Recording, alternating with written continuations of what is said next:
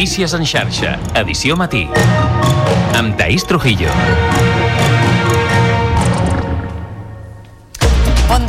Organitzacions socials denunciaran els ajuntaments que incompleixin la llei d'empadronament. És l'advertència que fan davant d'una pràctica estesa arreu de Catalunya i que és especialment evident en el cas de Ripoll, on governa l'extrema dreta. Aquesta exclusió, que afecta sobretot immigrants que no són llogaters o propietaris d'un habitatge, els limita a l'hora d'accedir a serveis bàsics com la sanitat i l'educació. Així encapçalem el Notícies en xarxa d'aquest eh, dilluns 22 de gener i al punt de les 7 del matí repassem també altres titulars. Comencen les obres per convertir la Gran Via de Barcelona en un passeig verd a tocar de les Glòries. Avui arrenca la primera fase, que durarà un any amb un pressupost superior als 11 milions d'euros. Els treballs de tot el projecte és previst que acabin la primavera del 2026. Girona tanca a partir d'avui les dutxes de tots els equipaments esportius municipals i les piscines. Només les obrirà després dels partits. La ciutat s'anticipa així al pla de sequera de la Generalitat, on aquesta mesura no està prevista fins a la tercera fase d'emergència. Els Mossos d'Esquadra mantenen oberta una investigació per localitzar quatre menors d'edat sostrets d'un centre de tutela de Raimat, al Segrià. De moment han detingut el pare, que, mentre que la mare està en crida i cerca. Tots dos són sospitosos d'haver-se endut els nens que eren amants de la Degaia. I en esports, doble victòria del Girona i el Barça a la primera divisió de futbol. Els blanquivermells van golejar per 5 a 1 al Sevilla i es mantenen líders en solitari. El Barça, per la seva banda, va superar el Betis per 2 a 4 amb dos gols en el tram final del partit i recupera la tercera plaça a la classificació. I repassats els titulars, ara obrim àrea de serveis. En primer lloc volem saber com se circula aquesta hora a la xarxa viària catalana. Per tant, connectem amb el RAC i amb l'Àlex Huguet. Bon dia. Molt bon dia. Comença una hora punta força moguda en alguns punts de la xarxa viària. Destaquem tres incidències. Una a l'A2 al tram de Brera cap a Barcelona amb un carril tallat i un tram curt de congestió per una avaria que es combinen amb l'accident a la C55 entre Olesa de Montserrat i Abrera en sentit sud i de moment la lentitud augmenta fins als 4 quilòmetres. A la C17 també es talla un carril entre Aigua Freda i Tagamanent en direcció Vic i a banda per la boira densa es talla també part de la via a l'AP2 entre Castelldans i Juneda pel que fa als accessos a Barcelona i l'àrea metropolitana van augmentar les retencions a l'AP7 entre Sant Cugat i el Papiol en sentit sud i ara hi ha més cues eh, a les rondes en sentit sud amb 4 quilòmetres ara a la B10 fins al tram del Poble Nou. És tot des del RAC. Bon dia. I tanquem portada amb la previsió del temps de cara a aquest dilluns. Eh, Lluís Miquel Pérez, molt bon dia.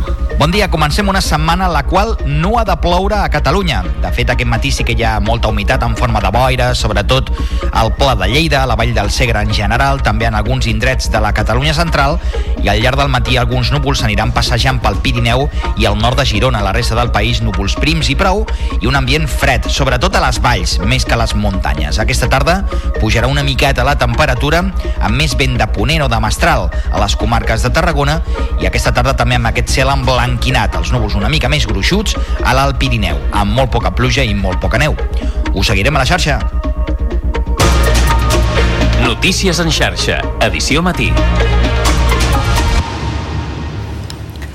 Entitats socials i professionals expertes en dret denunciaran els ajuntaments que incompleixin la llei d'empadronament. És una pràctica estesa arreu de Catalunya que impedeix a les persones que no són propietàries o llogateres d'un habitatge tenir accés a serveis bàsics com la sanitat i l'educació. Aquestes organitzacions també proposaran mocions als consistoris perquè es comprometin públicament amb les persones en situació d'exclusió residencial. Ens ho explica la Maite Polo. Són dues noves línies d'acció per aquest 2024 després de sortir a la llum el cas de l'alcaldessa de Ripoll que restringeix l'accés al padró a immigrants. Un grup d'organitzacions socials en defensa dels drets de les persones immigrades han acordat acollir-se a una llei aprovada fa 3 anys per unanimitat al Parlament de Catalunya per denunciar els consistoris que es neguin a empadronar persones pel fet de no viure en un pis o una casa de lloguer o de propietat. És la llei d'igualtat de tracte i no discriminació. Ho ha avançat a la xarxa Laia Costa, jurista de la Fundació FICAT, que promou la justícia i l'equitat. Sí que ens estem plantejant eh, una denúncia per discriminació, per xenofòbia, utilitzaríem la llei, la llei d'igualtat de tracte i no discriminació. De moment eh, començaríem per aquí, perquè creiem que, mm, que qualsevol persona que fa una apel·lació no? Mm, de la negació a drets a un col·lectiu concret eh, està, està fent xenofòbia, està fent apel·lació a la xenofòbia i per tant això sí que podem, que podem començar amb les eines que tenim de moment eh, començar a pensar en fer-ho. Dos milions de persones estan en situació d'infrahabitatge a Catalunya, segons els darrers informes, i algunes de les ciutats que concentren més problemes per accedir al padró són de l'àrea metropolitana de Barcelona, com Badalona, Cornellà, Santa Coloma de Gramenet i l'Hospitalet de Llobregat. Una cinquantena de veïns i veïnes del barri de Cap Pont de Lleida, amb el suport de representants d'associacions, entitats i sindicats de la ciutat, han presentat en les darreres hores un manifest en defensa de la llibertat religiosa i de culte. Ho han fet davant de la protesta organitzada per un altre grup de veïns contraris al local de l'Avinguda d'Alacant, on la comunitat musulmana habilitarà un oratori. Davant d'això, els impulsors del manifest han instat a continuar pel camí de la convivència i del respecte mutu i no pel d'atiar les pors i els enfrontaments. A més, han volgut alertar de l'augment d'actituds hostils i de prejudicis envers persones i col·lectius musulmans a Catalunya. Escoltem les visions contraposades dels veïns. Creiem que no és el lloc adient per eh, posar aquest tipus d'equipament aquí al barri. Irem lluitant fins allà en puguem eh, i veurem a veure si acaba posant-se aquí o no. No és un equipament per aquestes ceres i per tot això. No és un equipament per aquí. Els veïns han de viure amb convivència, eh, que, cada, que la migració és una cosa que, que, que porta molts anys a la humanitat, eh, que, que ha vingut per quedar-se i que hem de viure amb el més respecte possible a totes les, eh, a totes les comunitats, eh, respectant la seva religió, la seva cultura i la seva llengua. I Tinc Nom és una popular iniciativa contra els microracismes que han engegat dos estudiants de l'Escola de Creativitat Brother Barcelona. Els autors són la Laia Sánchez i l'Àlex Porres i en pocs dies han fet viral la campanya a través d'Instagram. És una informació de BTV. Diversos establiments de Sant Martí, com aquest de l'Ali, ja llueixen un cartell amb el nom del qui els regenta. Els han penjat l'Àlex i la Laia, estudiants de màster a l'Escola Brother Barcelona, que havien d'impulsar un projecte en perspectiva social. I el professor ens va encarregar de, fer, de trobar una problemàtica on l'exclusió social estigués present i bueno, vam estar buscant i vam acabar trobant una expressió molt comú que utilitzem sobretot els joves, que és vaig al paqui o vaig al xino. Jo a casa, eh, ma germana, sobretot, sempre m'ha aixecat bastant amb això i, i jo crec que ja ho portava una mica dins de, de que sabia que no estava bé i, i fins i tot nosaltres ho dèiem i utilitzàvem aquests microracismes. Els cartells especifiquen quins són els noms més adequats per referir-se als establiments comercials regentats per xinesos. D'aquesta manera proposen dir basar, estilista, manicú o el que convingui en cada cas. De la mateixa manera, també es poden anomenar botigues de queviures o supermercats els mal anomenats paquis. Treballadors com la Sudan han rebut la iniciativa amb els braços oberts. Nosotros no le gusta a gente llamar chinos porque cada, cada uno tiene su educación. Puede pedir un bar, vamos a bar de 104, no a llamar, voy a bar chinos. Si no, gente no sabe que nosotros no le gusta. Así, gente sepa más. Tot i que en un principi va néixer com un projecte acadèmic, la proposta s'ha fet viral a les xarxes i esperen que segueixi tenint recorregut.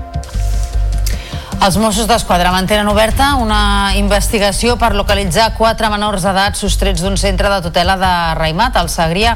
El mateix equipament va donar l'avís a la policia i va presentar la denúncia.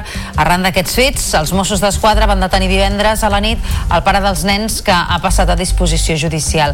La policia continua buscant els menors que es trobaven sota la tutela de la Generalitat i també la mare. Com és habitual en aquests casos, s'han posat en marxa tots els protocols i s'investiga si els nens podrien haver sortit de l'Estat. Segons les últimes dades publicades per la Fiscalia de Lleida, corresponents a la memòria de l'any 2022, es van registrar un total d'11 denúncies per sostracció de menors, que és la mateixa xifra que un any abans i també que el 2021.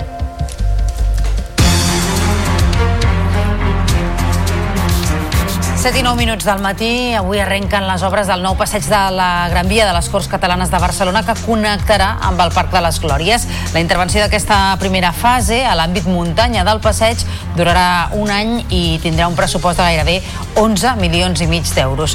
Tots els detalls en aquesta crònica de BTV. Els treballs tenen un pressupost d'11 milions d'euros i s'allargaran un any.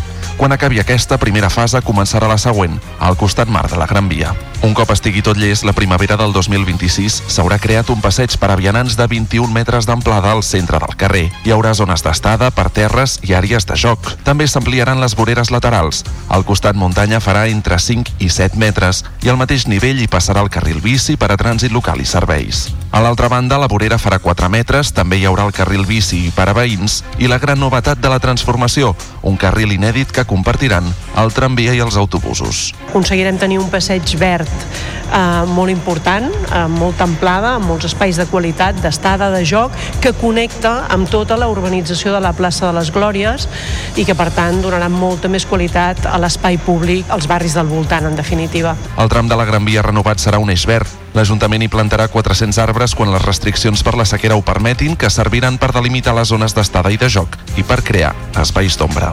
També en clau ambiental, el paviment tindrà colors clars per reduir l'impacte de la calor a l'estiu. Girona tanca des d'avui les dutxes de tots els equipaments esportius municipals i les piscines. Només les obrirà després dels partits.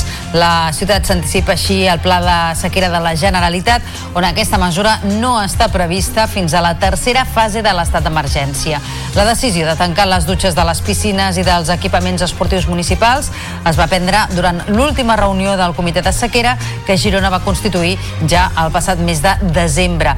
La mesura suposarà que tant els equips d'esports de base com els professionals no podran dutxar-se després dels entrenaments. Això afectarà els clubs professionals de la ciutat com el Girona Futbol Club, l'Uni Girona o el Bàsquet Girona.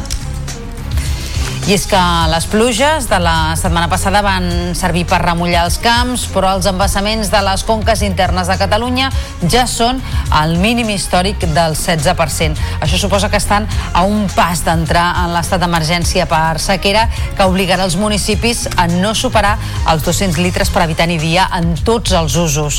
Amb tot, la situació és eh, millor als embassaments que depenen de la Confederació Hidrogràfica de l'Ebre i que abasteixen gran part de les províncies de Lleida i Tarragona, ja que aquests estan al 41 amb 58% de la seva capacitat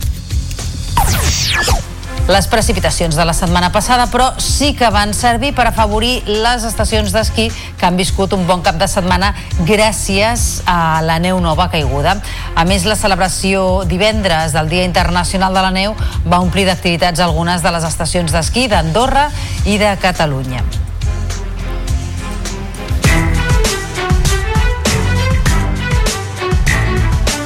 El president del govern espanyol, Pedro Sánchez, ha anunciat aquest diumenge que els pròxims pressupostos estatals inclouran un pla de reforç en matemàtiques i en comprensió lectora.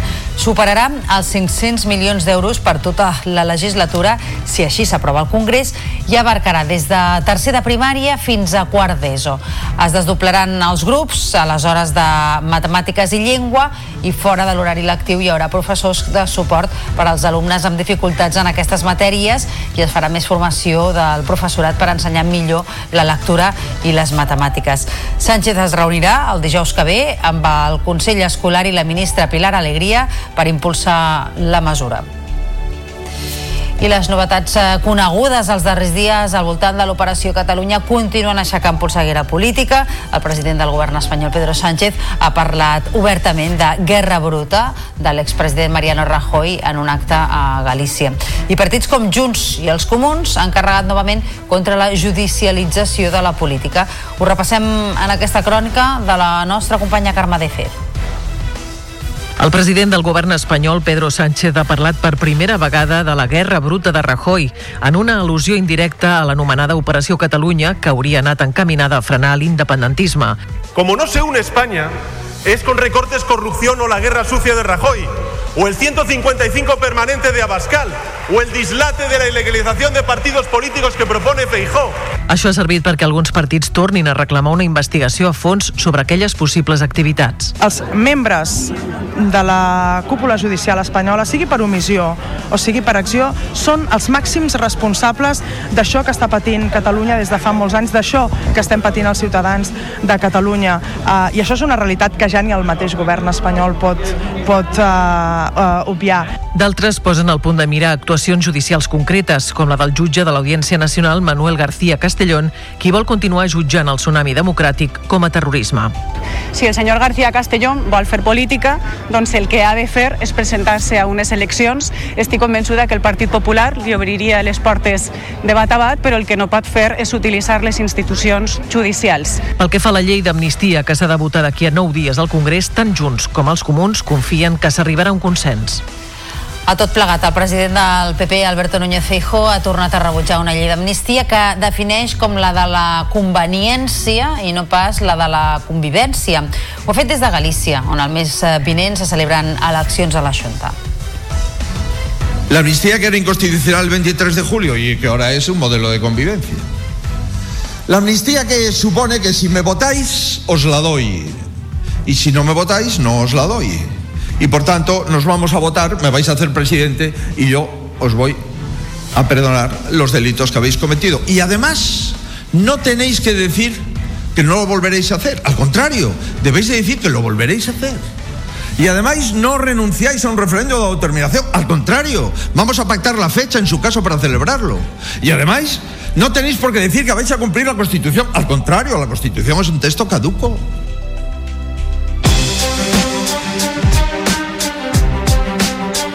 Passarà un minut d'un quart de vuit del matí. A les Borges Blanques han acabat aquest diumenge la 27a Fira de l'Oli, un certamen que venia marcat per la sequera, la baixa producció i els elevats preus. Tot i això, els productors tanquen l'edició amb un balanç força positiu.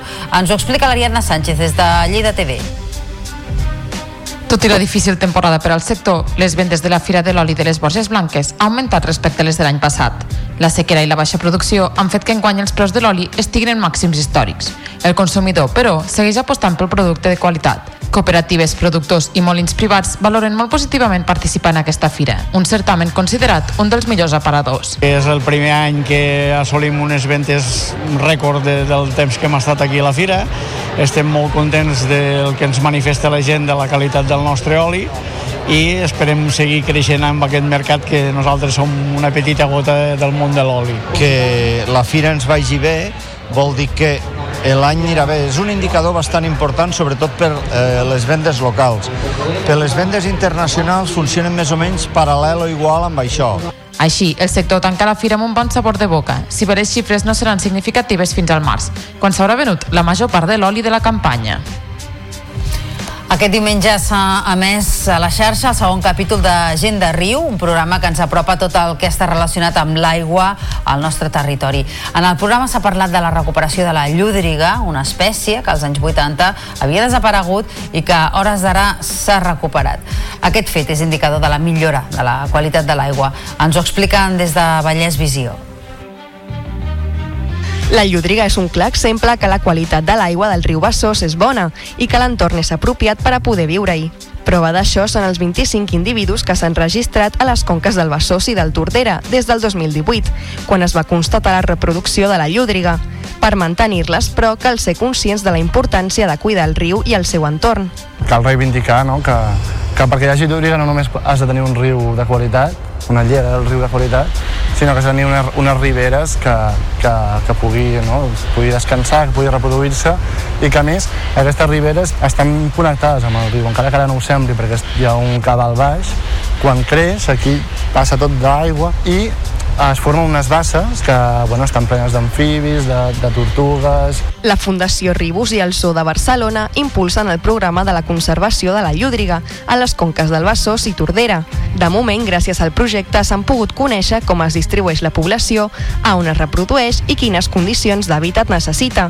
L'objectiu d'aquest estudi és poder ampliar el coneixement per saber com conservar aquesta espècie.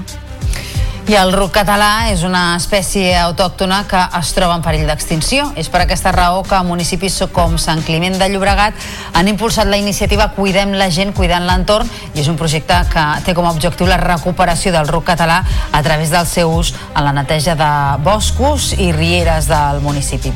Ens ho expliquen des de TV.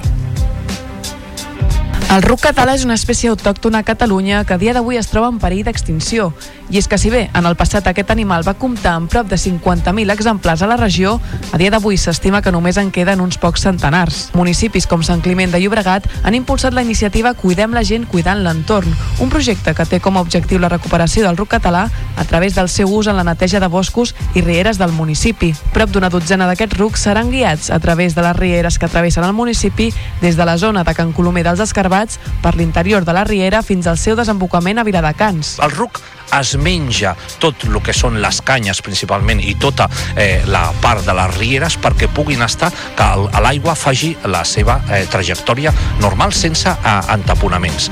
Què fa el ruc català? Doncs aquesta doble vessant, menjar i també netejar. La iniciativa s'ha impulsat des de la cooperativa d'iniciativa social Can Colomer, en col·laboració amb l'Ajuntament de Sant Climent, els quals esperen consolidar el projecte i ampliar la zona de treball. Volem que facin totes les rieres del poble. Sant Climent està vessant amb tres rieres i el que volem és que aquestes rieres també estiguin mantingudes pel RUC català i per treballs manuals que farà l'home, eh? per suposat. Es complementen les dues. Finalment, cal destacar que l'Ajuntament ha portat una partida de 10.000 euros per al projecte, destinada a motiu de defensa i protecció d'incendis a l'entorn natural.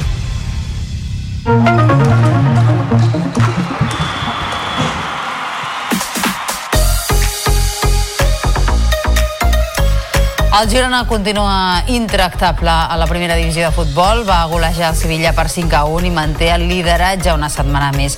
Un hat-trick de Dovic en poc més de 6 minuts i les dianes de Sigankov i Estuani van arrodonir la mà de gols dels blanc i vermells que superen la màxima puntuació aconseguida en la seva història a la màxima categoria.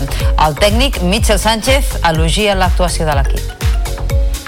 Me esperaba un partido súper difícil, complicado, pero hoy el equipo ha tenido una energía hacia adelante, una verticalidad eh, asombrosa, increíble. Eh, estos jugadores se merecen todos los elogios que, que podamos hacer de hablar de- del partido de hoy y, y encima sirve para, para hacer historia, que hemos superado la, la mejor temporada de- del Girona en primera división. Victòria també del Barça que va imposar-se per 2 a 4 al Betis. Ferran Torres va obrir la llauna i va avançar els blaugrana amb un doblet a la primera part. A la represa, però, dos gols d'Isco van tornar a igualar el marcador. Una diana de Joao Fèlix en el minut 90 i una altra de Ferran, que culminava un hat-trick. Van acabar decantant els 3 punts per als de Xavi, que recupera la tercera plaça amb 44 punts. El tècnic blaugrana feia aquesta anàlisi del partit. Avui tornem a encaixar dos gols quan tens un partit controladíssim. Crec que és un dels millors partits de la, de la temporada on el, el Barça es retroba, retrobem el joc, eh, ens trobem còmodes amb, el, amb la pilota, sense... Hem dominat i hem sotmès a un Betis que aquí a casa no, no ha perdut. Bé, un partit per, per guanyar fins i tot més, més holgadament, no? Aquest clic que demanàvem, no? Doncs crec que avui és un, és un partit molt important. L'equip fa un dels millors partits de la temporada. La polèmica de la jornada va arribar en el duel que va enfrontar el Real Madrid i l'Almeria al Santiago Bernabéu. Els blancs van acabar guanyant per 3 a 2 gràcies a diverses decisions arbitrals molt discutides. El VAR els va concedir un penal, tot i les faltes comeses per Rudiger i José Lu van anul·lar un gol dels andalusos per una falta anterior sobre Bellingham i el col·legiat també va donar per vàlid un gol de Vinicius, tot i que havia tocat la pilota amb el braç. A més, es van afegir 11 minuts en els quals Carvajal va fer el gol de la victòria. El tècnic blaugrana, Xavi Hernández, es va mostrar molt crític. Las palabras de Garitano, que si hablamos nos, nos sancionan, pero lo ha visto todo el mundo. Yo ya dije, va a ser muy difícil ganar esta liga. Lo dije en Getafe, que habían cosas que no me, no me cuadraban. Pues a continuar trabajando, seguimos en la lucha, quedan 18 partidos, hoy empezamos la segunda vuelta de la mejor manera posible y, y hasta donde nos llegue, pero hay cosas que no, que no controlamos, ¿no? Ha visto todo el mundo hoy. En bàsquet, el Barça es va refer de la desfeta a l'Eurolliga amb un triomf contundent de 23 punts a Granada per 61 a 94. Partit plàcid per als Blaugrana, que al descans van marxar amb un avantatge de 10 punts. Una distància que van incrementar la represa gràcies a la defensa, deixant els andalusos per sota dels 15 punts en el tercer i quart període. Willy Hernán Gómez, amb 20 punts, va ser el màxim anotador. És la tretzena victòria de la temporada a la competició domèstica de l'equip dirigit per Roger Grimau. Jugar aquí no es nada fácil y si se meten en partido la cosa se complica mucho. Entonces hemos estado muy muy bien el primer cuarto, el tercer cuarto y cuando hemos cogido la ventaja, bueno, poderla mantener al nivel sobre todo desde la defensa y las transiciones y bueno, eh, muy muy contentos porque sabíamos que hoy no era una visita nada fácil y sacar esta victoria, pues, pues bueno, pues estamos muy contentos, la verdad. D'altra banda, continua la mala dinàmica del Girona, que acumula 7 derrotes seguides. La darrera de 18 punts a la pista del penúltim, el Breogán, amb qui també perd l'average particular. El parcial de 13 a 0 dels gallecs entre el final de la primera part i l'inici de la segona va ser clau. La derrota el deixa, els, deixa els gironins amb només una victòria de marge sobre el descens. I a la Lliga Femenina, el Barça Sant Feliuenc va encadenar la tercera desfeta i queda a tocar dels llocs de descens. Davant l'Euskotren, les d'Isaac Fernández no van començar amb bon peu i ho van pagar durant la resta del partit. Al descans, el conjunt basc ja tenia un avantatge de 17 punts i el darrer període va acabar de condemnar les Blaugrana fins al 55 a 77 final.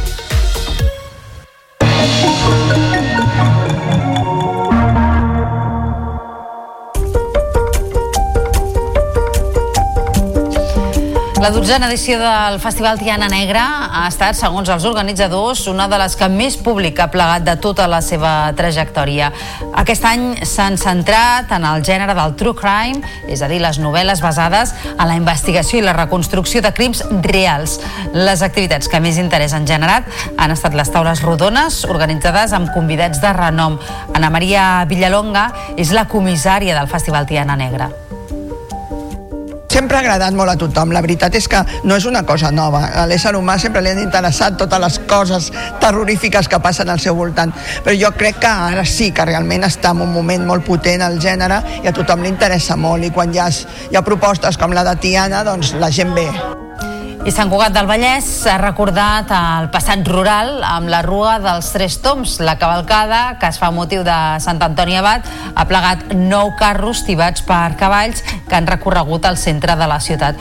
Un dels moments més esperats per la ciutadania ha estat la benedicció dels animals, on es beneixen els cavalls de la Rua, però també els gossos, gats, conills i d'altres animals.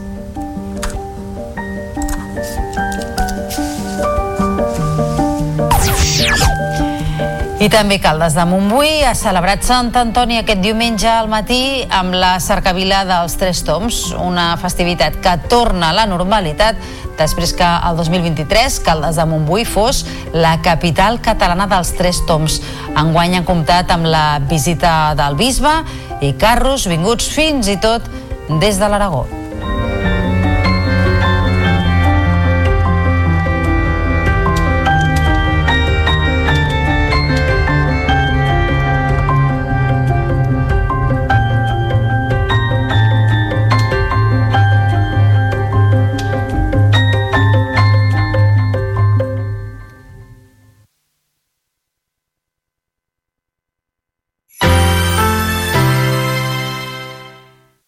La xarxa de comunicació local. Embaladits, l'espai on la Montse Balada i els seus amics ens enllacen amb la poesia infantil. Hola, embaladits! Soc la Montse Balada i, com sempre fem en aquest programa, durant uns minuts ens unirem en l'aventura de llegir en veu alta poesia infantil. Us donem la benvinguda a l'Embaladits.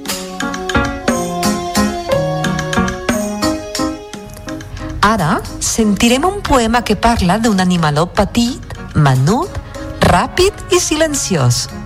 Un animaló que alguns ens fa somriure i als altres cridar de por. Hola, em dic Joel. Vaig a quartar a l'escola a de Vilanova i la Geltrú. El meu poema es diu Sargantana, de l'autor Ricard Bonmatí Guidonet. L'he triat perquè és d'animals. Sargantana, cocodril menut, llenguallar i astut, que has caigut en mans de petits humans. Per salvar el teu cos, n'has perdut un tros. La cua has donat per la llibertat. Moltíssimes gràcies, Joel, per participar a l'Embaladits i perquè t'agradin els animals tant com a nosaltres. Fins al proper Embaladits. Adeu. Adeu, embaladits. Vols que la teva escola participi a l'Embaladits? Envia'ns un correu electrònic a embaladits arroba canalblau.cat Embaladits és una idea de Montse Balada produïda per Canal Blau FM per la xarxa de comunicació local.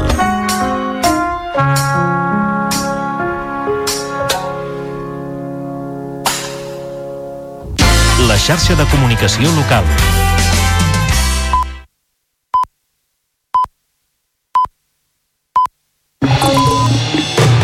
Notícies en xarxa, edició matí. Amb Taís Trujillo. Bon dia, són dos quarts de vuit del matí i avui encapçalem el Notícies en xarxa explicant-vos que organitzacions socials denunciaran els ajuntaments que incompleixin la llei d'empadronament. És l'advertència que fan davant d'una pràctica estesa arreu de Catalunya i que es fa especialment evident en el cas de Ripoll, on governa l'extrema dreta. Aquesta exclusió, que afecta sobretot immigrants que no són llogaters o propietaris d'un habitatge, els limita a l'hora d'accedir a serveis bàsics com la sanitat i l'educació. De seguida us ho ampliem, abans però repassem també altres titulars d'aquest dilluns 22 de gener. Comencen les obres per convertir la Gran Via de Barcelona en un passeig verd a tocar de les Glòries. Avui arrenca la primera fase, que durarà un any amb un pressupost superior als 11 milions d'euros. Els treballs de tot el projecte és previst que acabin la primavera del 2026. Girona tanca a partir d'avui les dutxes de tots els equipaments esportius municipals i les piscines. Només les obrirà després dels partits. La ciutat s'anticipa així al pla de sequera de la Generalitat, on aquesta mesura no està prevista fins a la tercera fase d'emergència. La situació de sequera a prop va dur la setmana passada a l'AMB a anunciar que reduirà la pressió de l'aigua als municipis que superen el consum permès. En aquests moments hi ha cinc que ho fan, tots a la comarca del Baix Llobregat, i un d'ells és Begues. En parlarem d'aquí a uns minuts amb la seva alcaldessa, la Mercè Esteve. I els Mossos d'Esquadra mantenen oberta una investigació per localitzar quatre menors d'edat sostrets d'un centre de tutela de Raimat, al Segrià. De moment han detingut el pare, mentre que la mare està en crida i cerca. Tots dos són sospitosos d'haver-se endut els nens que estaven en mans de la dagaia. I en esports doble victòria del Girona i el Barça a la primera divisió de futbol, els blanquivermells van golejar per 5 a 1 al Sevilla i es mantenen líders en solitari. I el Barça, per la seva banda, va superar el Betis per 2 a 4 amb dos gols en el tram final del partit i recuperen la tercera plaça a la classificació. I repassats els titulars, ara obrim plana de serveis, primer amb el trànsit. Segons el RAC hi ha hagut un accident entre Abrera i Esparreguera i causa 3 quilòmetres de cues cap a Barcelona, a la 2 i complica l'accés a aquesta via des de la C55. Hi ha les retencions habituals als accessos a Barcelona des de la C58 a Montcada, des de la B23 entre el Papiol i Sant Feliu de Llobregat i a l'enllaç amb l'A2 a Sant Joan d'Espí. Pel que fa a les rondes, ja van molt lentes en sentit Llobregat. I ara la previsió del temps ha tornat a desaparèixer la previsió de pluja tant per avui com per a tota la setmana. Com a molt plourà una mica al Pirineu. Avui hi ha força humitat a moltes zones de Catalunya i el cel estarà emblanquinat. Notícies en xarxa, edició matí. Entitats socials i professionals expertes en dret denunciaran els ajuntaments que incompleixin la llei d'empadronament. És una pràctica estesa arreu de Catalunya que impedeix a les persones que no són propietàries o llogateres d'un habitatge tenir accés a serveis bàsics com la sanitat i l'educació. Aquestes organitzacions també proposaran mocions als consistoris perquè es comprometin públicament amb les persones en situació d'exclusió residencial. Ens ho explica la Maite Polo. Són dues noves línies d'acció per aquest 2024 després de sortir a la llum el cas de l'alcaldessa de Ripoll que restringeix l'accés al padró a immigrants. Un grup d'organitzacions socials en defensa dels drets de les persones immigrades han acordat acollir-se a una llei aprovada fa 3 anys per unanimitat al Parlament de Catalunya per denunciar els consistoris que es neguin a empadronar persones pel fet de no viure en un pis o una casa de lloguer o de propietat. És la llei d'igualtat de tracte i no discriminació. Ho ha avançat a la xarxa Laia Costa, jurista de la Fundació FICAT, Llobregat que promou la justícia i l'equitat. Sí que ens estem plantejant eh, una denúncia per discriminació, per xenofòbia. Utilitzaríem la llei, la llei d'igualtat de tracte i no discriminació. De moment eh, començaríem per aquí, perquè creiem que, mm, que qualsevol persona que fa una apel·lació no? De la negació a drets a un col·lectiu concret eh, està, està fent xenofòbia, està fent apel·lació a la xenofòbia i per tant això sí que podem, que podem començar amb les eines que tenim de moment eh, començar a pensar en fer-ho. Dos milions de persones estan en situació d'infrahabitatge a Catalunya, segons els darrers informes, i algunes de les ciutats que concentren més problemes per accedir al padró són de l'àrea metropolitana de Barcelona, com Badalona, Cornellà, Santa Coloma de Gramenet i l'Hospitalet de Llobregat. Una cinquantena de veïns i veïnes del barri de Capont de Lleida, amb el suport de representants d'associacions, entitats i sindicats de la ciutat, han presentat en les darreres hores un manifest en defensa de la llibertat religiosa i de culte. Ho han fet davant de la protesta organitzada per un altre grup de veïns contraris al local de l'Avinguda d'Alacant on la comunitat musulmana habilitarà un oratori. Davant d'això, els impulsors del manifest han instat a continuar pel camí de la convivència i del respecte mutu i no pel d'atiar les pors i els enfrontaments. A més, han volgut alertar de l'augment d'actituds hostils i prejudicis envers persones i col·lectius musulmans a Catalunya. Escoltem les visions contraposades dels veïns creiem que no és el lloc adient per eh, posar aquest tipus d'equipament aquí al barri. Estarem lluitant fins allà en puguem eh, i veurem a veure si acaba posant-se aquí o no aquest. No és un equipament per aquestes ceres i per tot això. No és un equipament per aquí. Els veïns han de viure amb convivència, eh, que, cada, que la migració és una cosa que, que, que porta molts anys a la humanitat eh, que, que ha vingut per quedar-se i que hem de viure amb el més respecte possible a totes les, eh, a totes les comunitats, eh, respectant la seva religió, la seva cultura i la seva llengua. I Tinc Nom és una popular iniciativa contra els microracismes que han engegat dos estudiants de l'Escola de Creativitat Brother Barcelona. Els autors són la Laia Sánchez i l'Àlex Porres i en pocs dies han fet viral la campanya a través d'Instagram. És una informació de BTV. Diversos establiments de Sant Martí, com aquest de l'Ali, ja llueixen un cartell amb el nom del qui els regenta. Els han penjat l'Àlex i la Laia, estudiants de màster a l'Escola Brother Barcelona, que havien d'impulsar un projecte amb perspectiva social. I el professor ens va encarregar de, fer, de trobar una problemàtica on l'exclusió social estigués present. I bueno, vam estar buscant i vam acabar trobant una expressió molt comú que utilitzem sobretot els joves, que és vaig al paqui o vaig al xino. Jo a casa, eh, ma germana, sobretot, sempre m'ha aixecat bastant amb això i, i jo crec que ja ho portava una mica dins de, de que sabia que no estava bé i, i fins i tot nosaltres ho dèiem i utilitzàvem aquests microracismes. Els cartells especifiquen quins són els noms més adequats per referir-se als establiments comercials regentats per xinesos. D'aquesta manera proposen dir basar, estilista, manicú o el que convingui en cada cas. De la mateixa manera, també es poden anomenar botigues de queviures o supermercats els mal anomenats paquis. Treballadors com la Sudan han rebut la iniciativa amb els braços oberts. Nosotros no le gusta a gente llamar chinos porque cada, cada uno tiene su educación. Puede pedir un bar, vamos a bar de 104, no a llamar, voy a bar chinos. Si no, gente no sabe que nosotros no le gusta. Así, gente sepa más. Tot i que en un principi va néixer com un projecte acadèmic, la proposta s'ha fet viral a les xarxes i esperen que segueixi tenint recorregut. Els Mossos d'Esquadra mantenen oberta una investigació per localitzar quatre menors d'edat sostrets d'un centre de tutela de Raimat, al Segrià. El mateix equipament va donar l'avís a la policia i va presentar la denúncia. Arran d'aquests fets, els Mossos d'Esquadra van detenir divendres a la nit el pare dels nens que ha passat a disposició judicial. La policia continua buscant els menors que es trobaven sota tutela de la Generalitat i també la mare. Com és habitual en aquests casos, s'han posat en marxa tots els protocols i s'investiga si podrien haver sortit de l'Estat.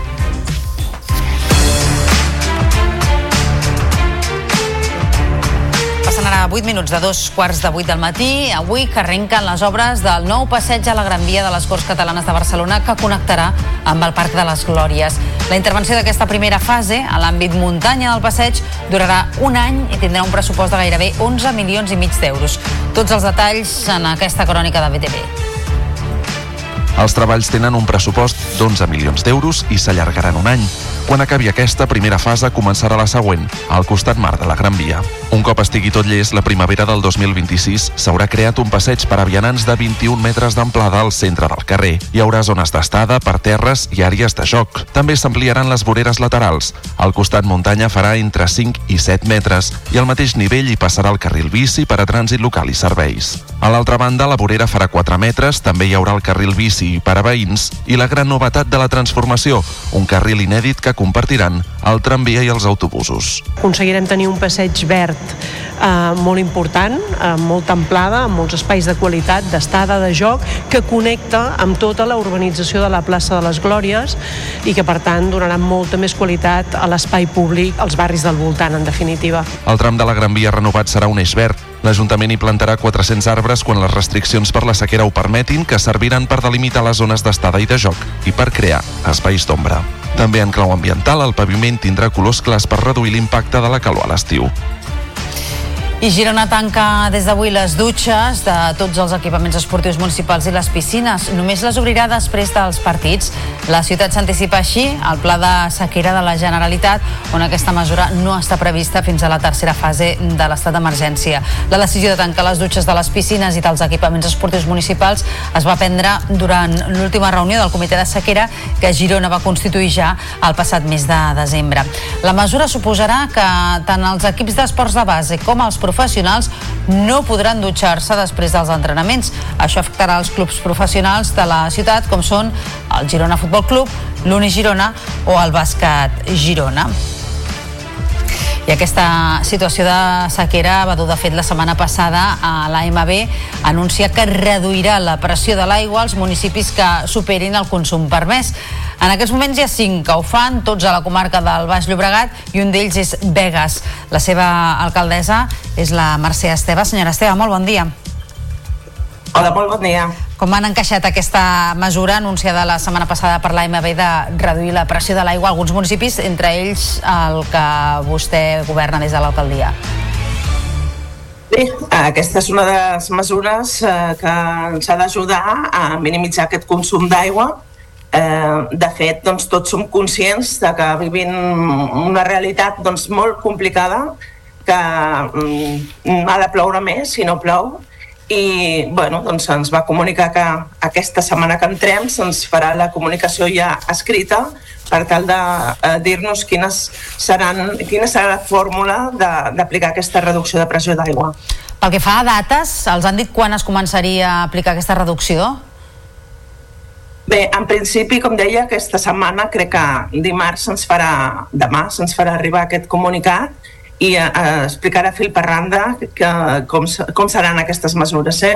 Eh, en principi ara estem en una situació de preemergència i eh, quan, es, quan activem la situació general d'emergència, aquells municipis que superem els 200 litres per persona i dia, com en el cas de Vegas, que n'estem a 213, som un d'aquests cinc municipis, però en tot cas puc dir que hem fet bé la feina perquè encara estem en fase de reduir, eh, serà quan haurem d'aplicar aquesta reducció de la pressió d'aigua. Uh -huh. Vostès eh, tenen identificada la causa d'aquest eh, accés o d'aquest consum d'aigua per sobre del que està permès al municipi? Bé, com deia, Vegas és un municipi, eh, un petit, gran municipi de 100.800 habitants, un municipi que eh, té molt d'entorn natural, que té eh, molt de jardí amb cases unifamiliars amb jardí i algunes piscines i des de fa un parell d'anys eh, som conscients d'aquesta realitat i hem anat reduint aquest consum eh, de 200, crec que estàvem 235 a 213 que estem ara. Uh, s'ha fet una bona, una bona um, uh, pràctica en el sentit de conscienciar la ciutadania des de l'àmbit a la ciutadania des de l'àmbit públic, però alhora el que queda és eh, aplicar-nos una mica més entre tots plegats per tal de, de, de reduir aquest consum. Eh? Uh -huh. És a dir, sí que aquest consum en el cas de Vegas és aigua utilitzada pels seus ciutadans o tenen també problemàtica com denuncien altres eh, ajuntaments i altres municipis amb fuites i aigua que es perd pel camí? No, en el cas de Megas, eh, des de farà cosa de 10 anys, estem aplicant inversions eh, contínues a la xarxa, hem canviat les eh, canonades de fibrociment i podríem dir que pràcticament el 95% de la xarxa és, eh, és, és, és bona. Eh? També es va aplicar el sistema telemesura en aquests últims 5 anys i aquest sistema el que permet controlar aquestes fuites, possibles fuites que hi puguin haver. Per tant, eh, el que ens trobem és en un municipi eh, que tenia un consum d'aigua elevat, que estem fent els deures i que estem intentant, i ho estem aconseguint perquè estem de baixada eh, reduint. Com, com haureu vist, estem al llindar dels 200 litres per persona, estem als 213, és molt, però eh, eh, jo espero aconseguir-ho. Doncs eh, n'estarem pendents també quan coneguin el, el detall d'aquesta reducció de la pressió de l'aigua i la data en què podria entrar en vigor per veure també quines són les conseqüències. Mercè Esteve, alcaldessa de Vegas, gràcies per atendre'ns, molt bon dia. A vosaltres, moltíssimes gràcies i bon dia. Notícies en xarxa. Tota la informació al teu abast.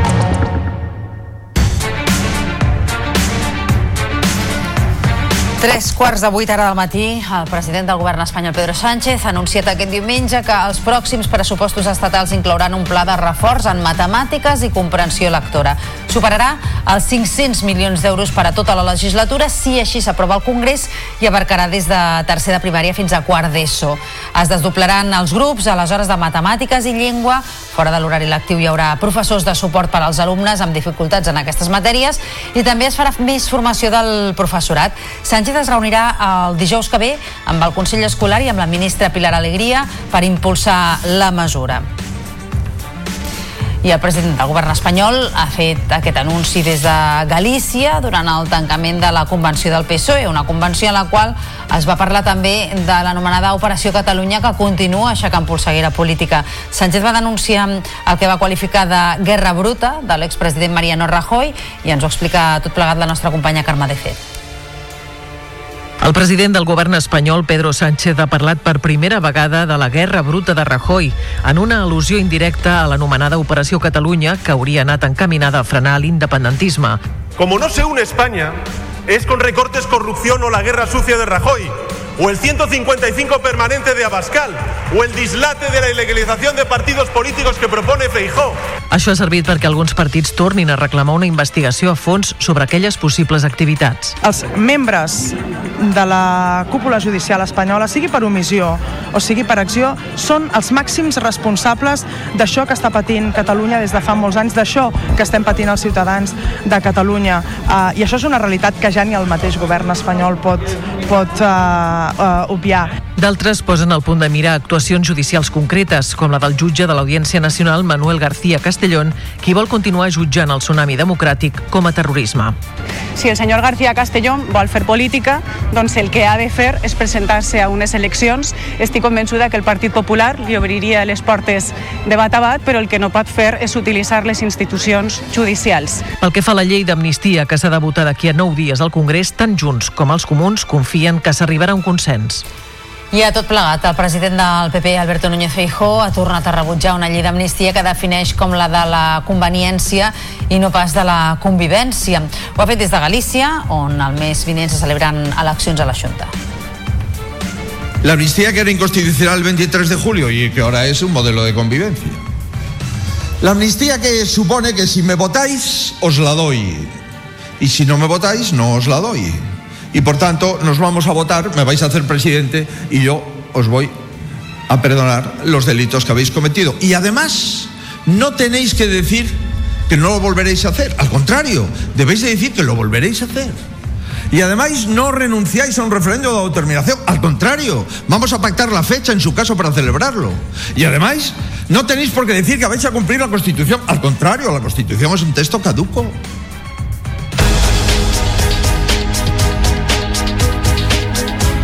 A les Borges Blanques ha acabat aquest diumenge la 27a Fira de l'Oli, un certamen que venia marcat per la sequera, la baixa producció i els elevats preus. Tot i això, els productors tanquen l'edició amb un balanç força positiu. Ens ho explica l'Ariadna Sánchez des de Lleida TV. Tot i la difícil temporada per al sector, les vendes de la Fira de l'Oli de les Borges Blanques han augmentat respecte a les de l'any passat. La sequera i la baixa producció han fet que enguany els preus de l'oli estiguin en màxims històrics. El consumidor, però, segueix apostant pel producte de qualitat. Cooperatives, productors i molins privats valoren molt positivament participar en aquesta fira, un certamen considerat un dels millors aparadors. És el primer any que assolim unes ventes rècord de, del temps que hem estat aquí a la fira. Estem molt contents del que ens manifesta la gent de la qualitat del nostre oli i esperem seguir creixent amb aquest mercat que nosaltres som una petita gota del món de l'oli. Que la fira ens vagi bé vol dir que l'any anirà bé. És un indicador bastant important, sobretot per eh, les vendes locals. Per les vendes internacionals funcionen més o menys paral·lel o igual amb això. Així, el sector tanca la fira amb un bon sabor de boca, si bé les xifres no seran significatives fins al març, quan s'haurà venut la major part de l'oli de la campanya. Els treballadors de l'empresa metal·lúrgica Celsa, Castellbisbal, al Vallès Occidental, han convocat a partir de demà dimarts una vaga indefinida. Els empleats consideren que els nous propietaris de l'empresa incompleixen el conveni laboral pel que fa al calendari del 2024. Els sindicats asseguren que la direcció no respecta la duració ni els descansos de les jornades de treball. El comitè d'empresa ja havia convocat una vaga a partir del 8 de gener que es va desconvocar pendent de les negociacions amb la direcció. Thank you.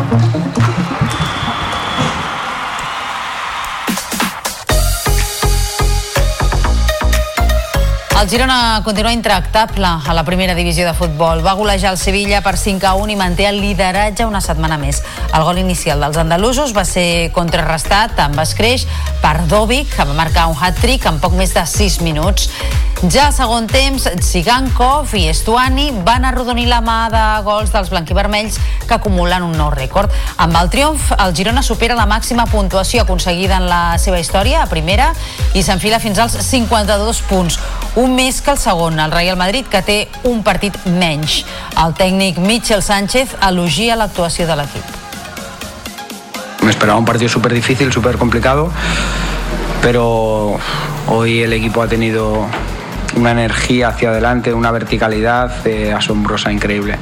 Eh, estos jugadores se merecen todos los elogios que, que podamos hacer de hablar de- del partido de hoy y encima sirve para, para hacer historia, que hemos superado la, la mejor temporada de- del Girona en primera división. Victòria també del Barça que va imposar-se per 2 a 4 al Betis. Ferran Torres va avançar els blaugrana amb un doblet, però dos gols d'Isco van tornar a igualar el marcador. Una diana de Joao Fèlix en el minut 90 i una altra de Ferran que culminava un hat-trick. Van acabar decantant els 3 punts per als de Xavi, que recuperen la tercera plaça. El tècnic blaugrana feia aquesta anàlisi del partit. Avui tornem a encaixar dos gols quan tens un partit controladíssim. Crec que és un dels millors partits de la, de la temporada on el, el Barça es retroba, retrobem el joc, eh, ens trobem còmodes amb, el, amb la pilota, sense hem dominat i hem sotmès a un Betis que aquí a casa no, no ha perdut. Bé, un partit per, per guanyar fins i tot més, més holgadament. No? Aquest clic que demanàvem, no? doncs crec que avui és un, és un partit molt important. L'equip fa un dels millors partits de la temporada. La polèmica de la jornada va arribar en el duel que va enfrontar el Real Madrid i l'Almeria al Santiago Bernabéu. Els blancs van acabar guanyant per 3 a 2 gràcies a diverses decisions arbitrals molt discutides. Un penal dubtós, un gol anul·lat dels andalusos i un altre concedit a Vinícius malgrat unes mans prèvies. A més, el col·legiat va afegir 11 minuts en els quals Carvajal va fer el gol de la victòria. Preguntat per aquest partit, el tècnic blaugrana, Xavi Hernández, es va mostrar molt crític. Palabras de Garitano, que si hablamos nos, nos sancionan, pero lo ha visto todo el mundo. Yo ya dije, va a ser muy difícil ganar esta liga. Lo dije en Getafe, que habían cosas que no me, no me cuadraban.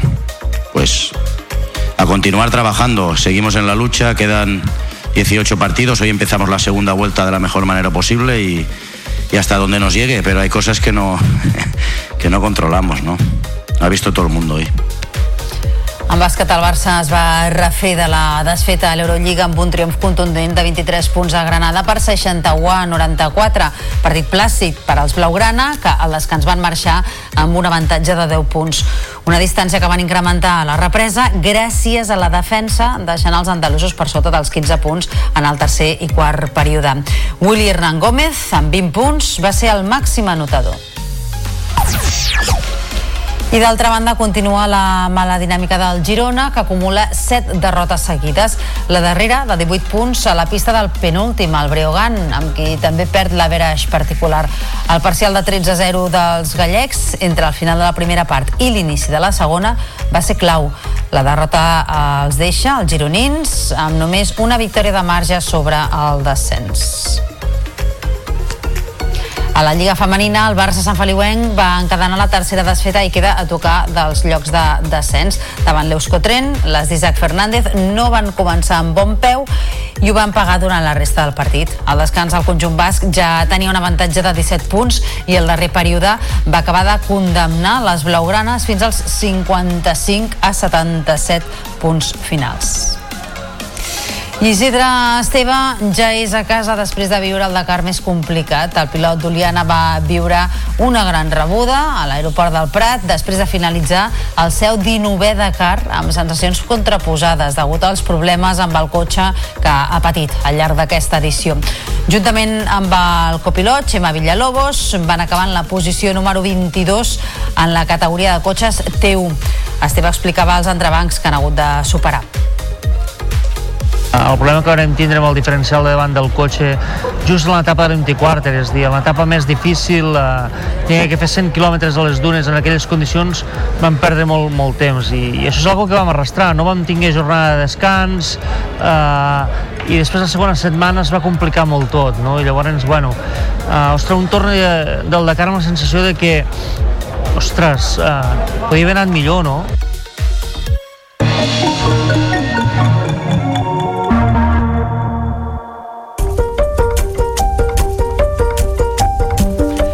La dotzena edició del Festival Tiana Negra ha estat, segons els organitzadors, una de les que més públic ha plegat de tota la seva trajectòria. Aquest any s'han centrat en el gènere del true crime, és a dir, les novel·les basades en la investigació i la reconstrucció de crims reals. Anna Maria Villalonga és la comissària del Festival Tiana Negra sempre ha agradat molt a tothom. La veritat és que no és una cosa nova. A l'ésser humà sempre li han interessat totes les coses terrorífiques que passen al seu voltant. Però jo crec que ara sí que realment està en un moment molt potent el gènere i a tothom li interessa molt i quan hi ha, hi ha propostes com la de Tiana, doncs la gent ve. Durant aquesta setmana es digitalitzen més de 28.000 documents a l'Arxiu General d'Aran. Els propers dies ja estaran disponibles a la seva pàgina web per a tothom qui els vulgui consultar. L'Àlvaro Ordóñez, de la Televisió de Lleida, ens ho explica. En aquest sentit, la documentació que s'actualitzarà online anirà de l'any 1860 al 1904 perquè els anteriors ja són digitalitzats. Sobre això en destaquen els pergamins de l'Ajuntament d'Arru, els de Casa de Matèria de Viella, litografies de gran format de Banyeres de Luixón, un llibre de botànica del segle XVII, plaques de vidre de la col·lecció Pirem Museu i una col·lecció de Quim Castells de fotografia. Un gran nombre de documentació que es podrà consultar a les properes setmanes al web de l'Arxiu General d'Aran. El que hi ha en imatge arriba, no arriba a 2.000 però més o menys unes 1.800 eh, imatges. Es digitalitzarà al voltant de 8 a 9 hores al dia amb una capacitat de 4.000 pàgines. L'objectiu és fer 28.000 digitalitzacions en una setmana. El músic usonenc Sergi Carbonell, excomponent de Charango, traurà el seu nou disc Crisàlide el proper 1 de febrer. Però ja ha avançat el nou videoclip que porta per títol Si et quedes amb mi, una història d'amor que, segons el mateix Carbonell, navega entre el folk americà i el pop més intimista.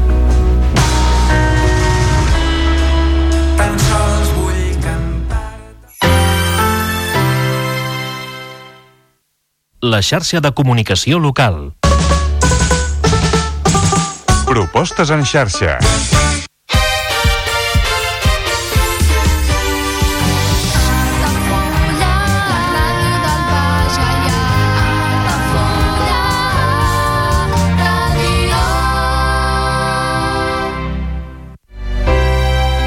Comunions 2024. Dates ja disponibles amb sales privades, jardí, pàrquing privat i la millor gastronomia. Més informació i reserves al 977 65 11 55 i a comercial arroba altafullamarotel.com o al web altafullamarotel.com. Les teves celebracions familiars a l'Altafulla Mar Hotel.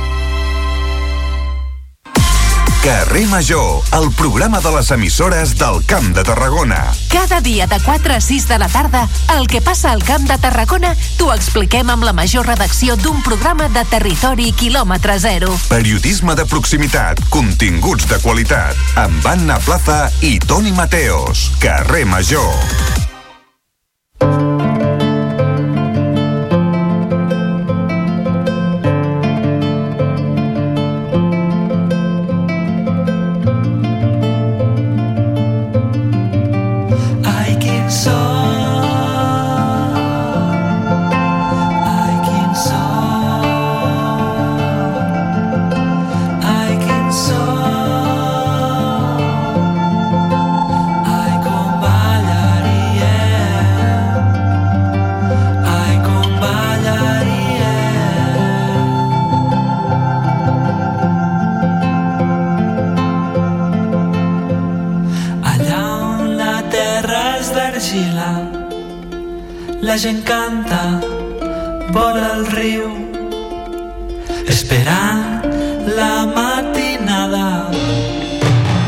Notícies en xarxa, edició matí.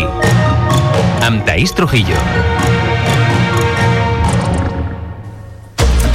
Bon dia. Organitzacions eh, socials denunciaran als ajuntaments que incompleixin la llei d'empadronament. És l'advertència que fan davant d'una pràctica estesa arreu de Catalunya i que es fa especialment evident en el cas de Ripoll, on governa l'extrema dreta. Aquesta exclusió, que afecta sobretot immigrants que no són llogaters o propietaris d'un habitatge, els limita a l'hora d'accedir a serveis bàsics com la sanitat i l'educació. Doncs així encapçalem el Notícies en xarxa d'aquest dilluns 22 de gener i al punt de les 8 del matí repassem també altres titulars. Comencen les obres per convertir la Gran Via de Barcelona en un passeig verd a tocar de les Glòries. Avui arrenca la primera fase, que durarà un any, amb un pressupost superior als 11 milions d'euros. Els treballs de tot el projecte és previst que acabin la primavera del 2026. Girona tanca a partir d'avui les dutxes de tots els equipaments esportius municipals i les piscines. Només les obrirà després dels partits. La ciutat s'anticipa així al pla de sequera de la Generalitat, on aquesta mesura no està prevista fins a la tercera fase d'emergència. Els Mossos d'Esquadra mantenen oberta una investigació per localitzar quatre menors d'edat sostrets eh, d'un centre de tutela de Raimat, al Segrià. De moment han detingut el pare mentre que la mare està en crida i cerca. Tots dos són sospitosos d'haver-se endut els nens que eren en mans de la Degaia. I en esports doble, victòria del Girona i el Barça a la primera divisió de futbol. Els blanquivermells van golejar per 5 a 1 al Sevilla i es mantenen líders en solitari. I el Barça, per la seva banda, va superar el Betis per 2 a 4 amb dos gols en el tram final del partit i recupera la tercera plaça de la classificació. I repassats els titulars, ara obrim àrea de serveis. En primer lloc volem saber com se circula a aquesta hora a les 8 del matí per la xarxa viària. Per tant, connectem amb el Servei Català de Trànsit. Finara, que molt bon dia. Hola, molt bon dia. Doncs avui ens comencem situant a l'autovia 2. Hi ha un accident a l'altura de Brera que talla un carril en sentit Barcelona i provoca 3 quilòmetres de congestió des d'Esparreguera. Aquesta incidència també de retruc afecta amb 5 quilòmetres aturades a la C55 entre Olesa de Montserrat i Abrera per enllaçar amb aquesta autovia 2. Continuem a l'autovia 2, on també més endavant, entre Pallejà i Sant Joan d'Espí, 10 quilòmetres de circulació molt intensa per accedir al nus del Llobregat, també d'aquesta zona del Baix Llobregat aturades a la B23 entre el Papiol i Sant Feliu de Llobregat d'entrada a la capital catalana. També destacarem de la zona del Vallès circulació molt lenta a la C58 entre Mocat, Reixac i el nus de la Trinitat i en aquesta C58 avui aturades en els dos sentits de la circulació a l'altura de Castellvell i el Vilar on hi ha hagut una incidència. Acabarem destacant que com a conseqüència de la boira densa a l'AP2 entre Juneda i Castelldans s'ha tallat el carril esquerre i s'ha limitat la velocitat màxima a 60 km hora, així que demanem als conductors que circulen per aquest tram que extremin al màxim la precaució per tal d'evitar accidents. De moment això és tot. Molt bon dia. I tanquem portada amb la previsió del temps. Eh, Lluís Miquel Pérez, molt bon dia. De moment no hi ha pluja a la vista, eh? Bon dia, Taís. Doncs no. I ens agrada ser realistes i les previsions del temps que tenim per endavant, com a mínim, com a mínim, en 7 a 10 dies, no ens indiquen pluja a Catalunya. Per tant, ho haurem d'anar seguint. El que tindrem és un anticicló molt potent, que ja a hores d'ara provoca aquestes boires que comentàvem des de trànsit, que són molt denses a les comarques del Pla de Lleida, d'algunes valls del Segre, de la Noguera Pallaresa, també algun racó de la Catalunya central, com per exemple a Osona. Aquesta boira doncs, que persistirà fins al migdia i a la resta del país al matí fred, però només amb núvols prims, que seran més densos al Pirineu. Aquesta tarda continuarà aquest cel mig ennuvolat, les boires de Ponent es desfaran en gran mesura i començarà a pujar la temperatura. Ho farà a l'alta muntanya, també a la costa i prelitoral, i un ambient que cada dia que passi aquesta setmana s'anirà semblant més al mes d'abril que no pas al mes de gener. N'estarem pendents a la xarxa. Notícies en xarxa, edició matí.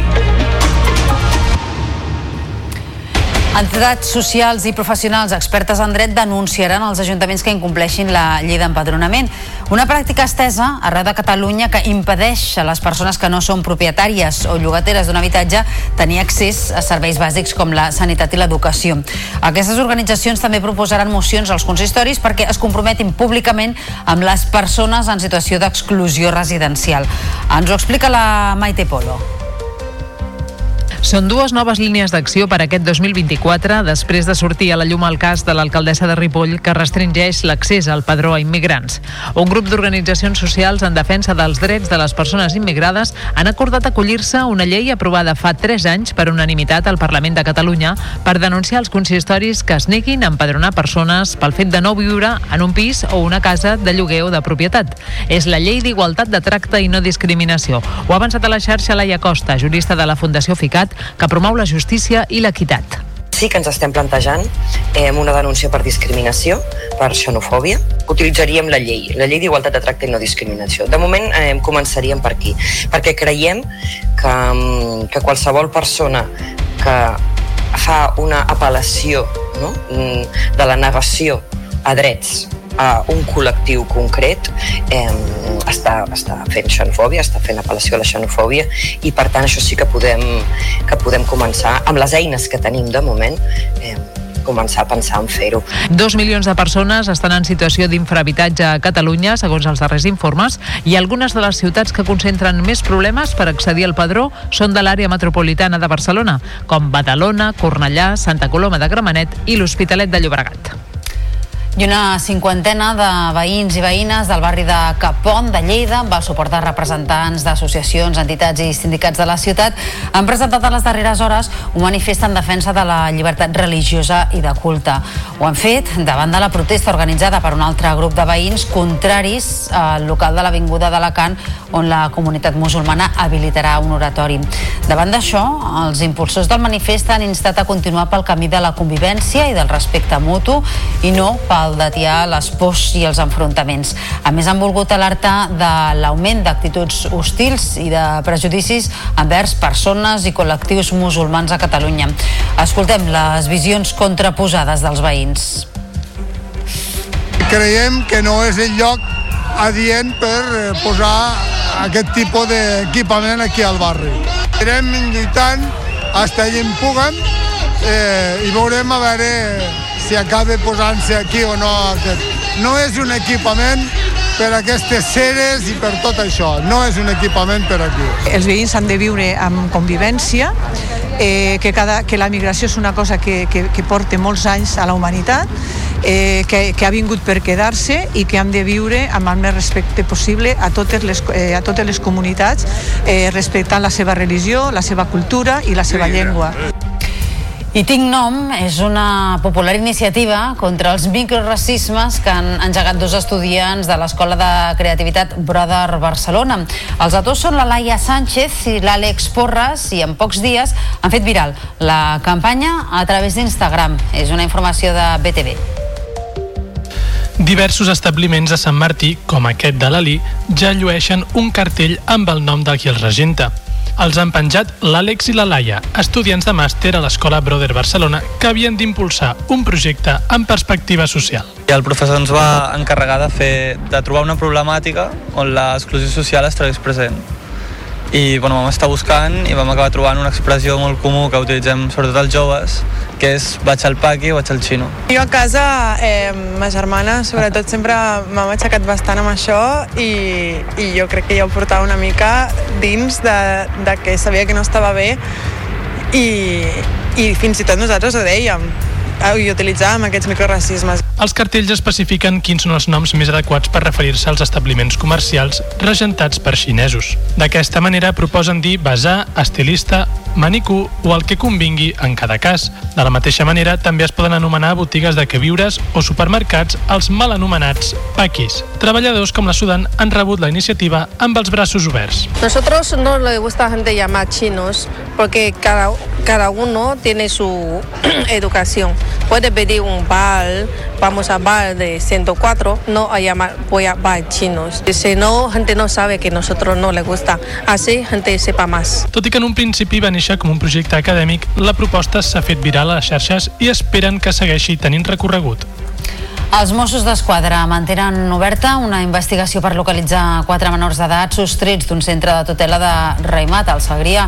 El mateix equipament va donar l'avís a la policia i va presentar la denúncia.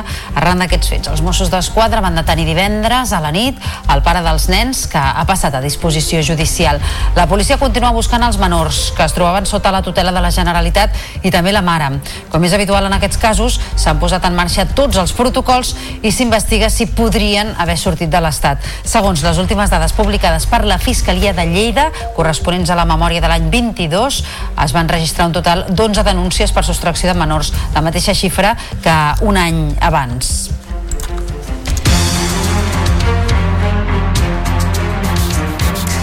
Vuit i 10 minuts ara del matí. Avui arrenquen les obres del nou passeig a la Gran Via de les Corts Catalanes de Barcelona que connectarà amb el Parc de les Glòries. La intervenció d'aquesta primera fase a l'àmbit muntanya del passeig durarà un any i tindrà un pressupost de gairebé 11 milions i mig d'euros. Tots els detalls en aquesta crònica de BTV. Els treballs tenen un pressupost d'11 milions d'euros i s'allargaran un any. Quan acabi aquesta primera fase començarà la següent, al costat mar de la Gran Via. Un cop estigui tot llest, la primavera del 2026 s'haurà creat un passeig per a vianants de 21 metres d'amplada al centre del carrer. Hi haurà zones d'estada, per terres i àrees de joc. També s'ampliaran les voreres laterals. Al costat muntanya farà entre 5 i 7 metres i al mateix nivell hi passarà el carril bici per a trànsit local i serveis. A l'altra banda, la vorera farà 4 metres, també hi haurà el carril bici per a veïns i la gran novetat de la transformació, un carril inèdit que compartiran el tramvia i els autobusos. Aconseguirem tenir un passeig verd eh, molt important, amb molta amplada, amb molts espais de qualitat, d'estada, de joc, que connecta amb tota la urbanització de la plaça de les Glòries i que, per tant, donarà molta més qualitat a l'espai públic, als barris del voltant, en definitiva. El tram de la Gran Via renovat serà un eix verd, L'Ajuntament hi plantarà 400 arbres quan les restriccions per la sequera ho permetin, que serviran per delimitar les zones d'estada i de joc i per crear espais d'ombra. També en clau ambiental, el paviment tindrà colors clars per reduir l'impacte de la calor a l'estiu. Girona tanca des d'avui les dutxes de tots els equipaments esportius municipals i les piscines. Només les obrirà després dels partits.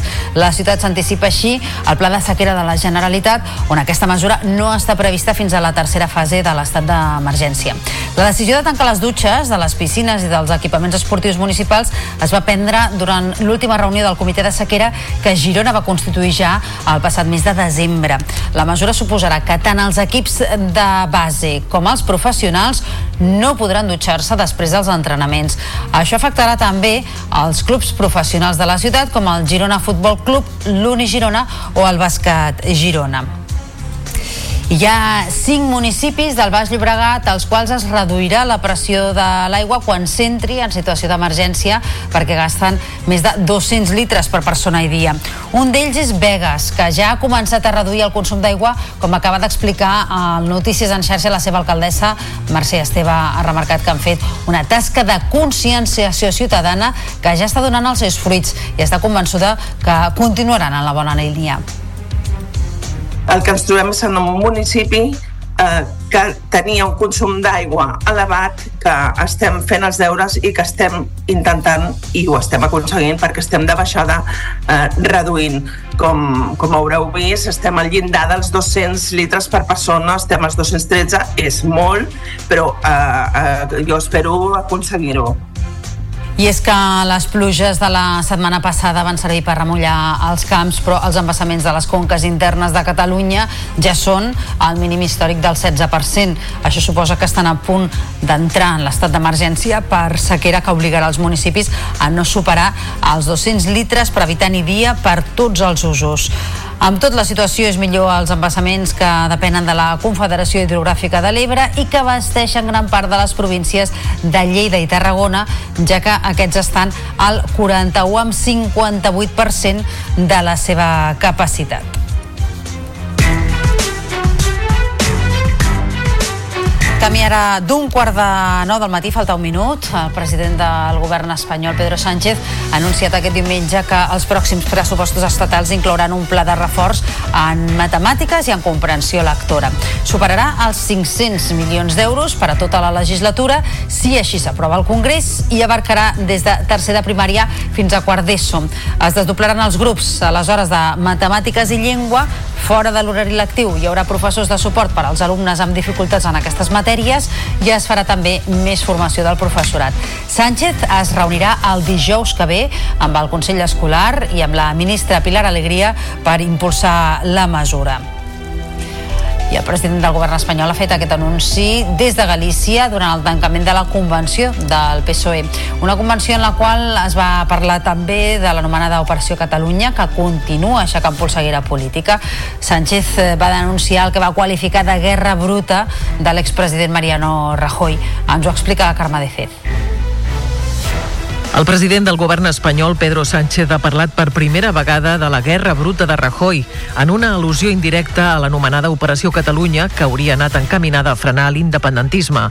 Como no se une España, es con recortes, corrupción o la guerra sucia de Rajoy, o el 155 permanente de Abascal, o el dislate de la ilegalización de partidos políticos que propone Feijó. Això ha servit perquè alguns partits tornin a reclamar una investigació a fons sobre aquelles possibles activitats. Els membres de la cúpula judicial espanyola, sigui per omissió o sigui per acció, són els màxims responsables d'això que està patint Catalunya des de fa molts anys, d'això que estem patint els ciutadans de Catalunya. Uh, I això és una realitat que ja ni el mateix govern espanyol pot, pot uh, uh, obviar. D'altres posen al punt de mira actuacions judicials concretes, com la del jutge de l'Audiència Nacional, Manuel García Castellón, qui vol continuar jutjant el tsunami democràtic com a terrorisme. Si el senyor García Castellón vol fer política, doncs el que ha de fer és presentar-se a unes eleccions.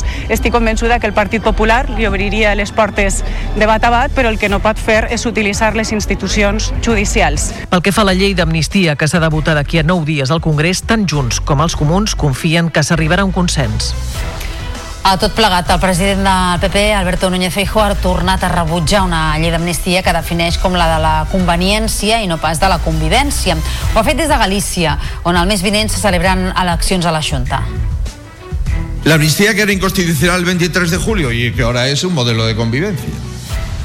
La amnistía que supone que si me votáis, os la doy. Y si no me votáis, no os la doy. Y por tanto, nos vamos a votar, me vais a hacer presidente y yo os voy a perdonar los delitos que habéis cometido. Y además, no tenéis que decir que no lo volveréis a hacer. Al contrario, debéis de decir que lo volveréis a hacer. Y además no renunciáis a un referéndum de autodeterminación. Al contrario, vamos a pactar la fecha en su caso para celebrarlo. Y además no tenéis por qué decir que vais a cumplir la Constitución. Al contrario, la Constitución es un texto caduco.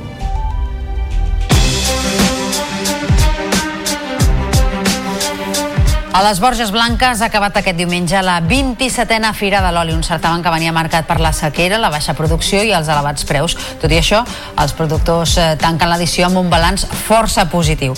Ens ho explica l'Ariadna Sánchez des de Lleida TV. Tot i la difícil temporada per al sector, les vendes de la Fira de l'Oli de les Borges Blanques han augmentat respecte a les de l'any passat. La sequera i la baixa producció han fet que enguany els preus de l'oli estiguin en màxims històrics. El consumidor, però, segueix apostant pel producte de qualitat. Cooperatives, productors i molins privats valoren molt positivament participar en aquesta fira, un certamen considerat un dels millors aparadors. És el primer any que assolim unes ventes rècord de, del temps que hem estat aquí a la fira.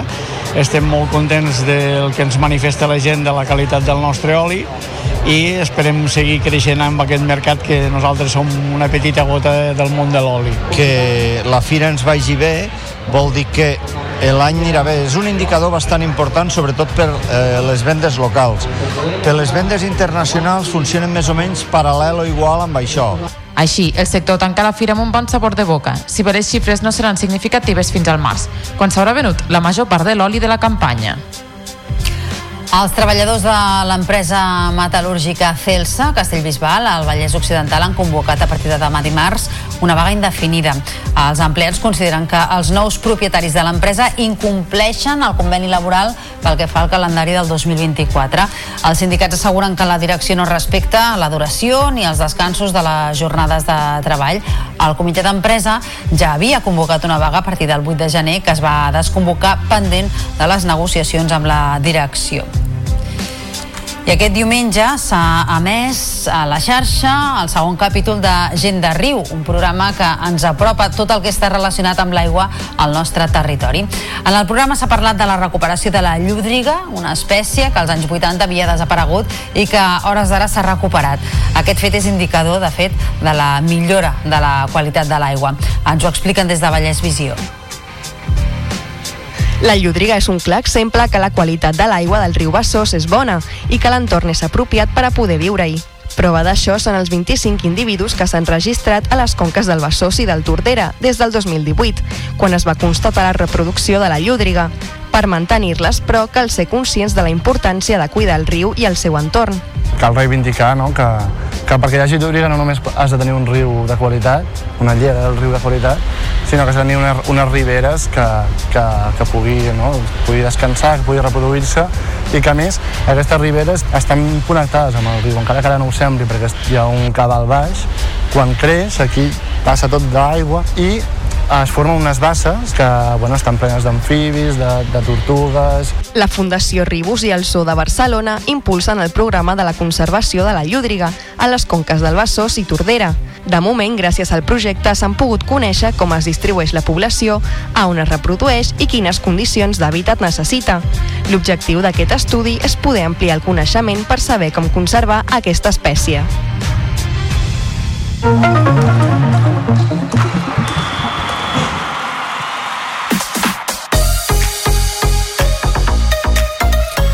El Girona continua intractable a la primera divisió de futbol. Va golejar el Sevilla per 5 a 1 i manté el lideratge una setmana més.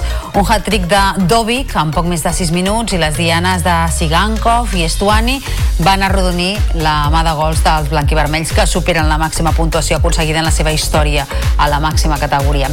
El tècnic Michel Sánchez elogia l'actuació de l'equip. Me esperaba un partido súper difícil, súper complicado, pero hoy el equipo ha tenido una energía hacia adelante, una verticalidad eh, asombrosa, increíble. Eh, estos jugadores se merecen todos los elogios que, que podamos hacer de hablar de- del partido de hoy y, y encima sirve para, para hacer historia, que hemos superado la, la mejor temporada de- del Girona en primera división.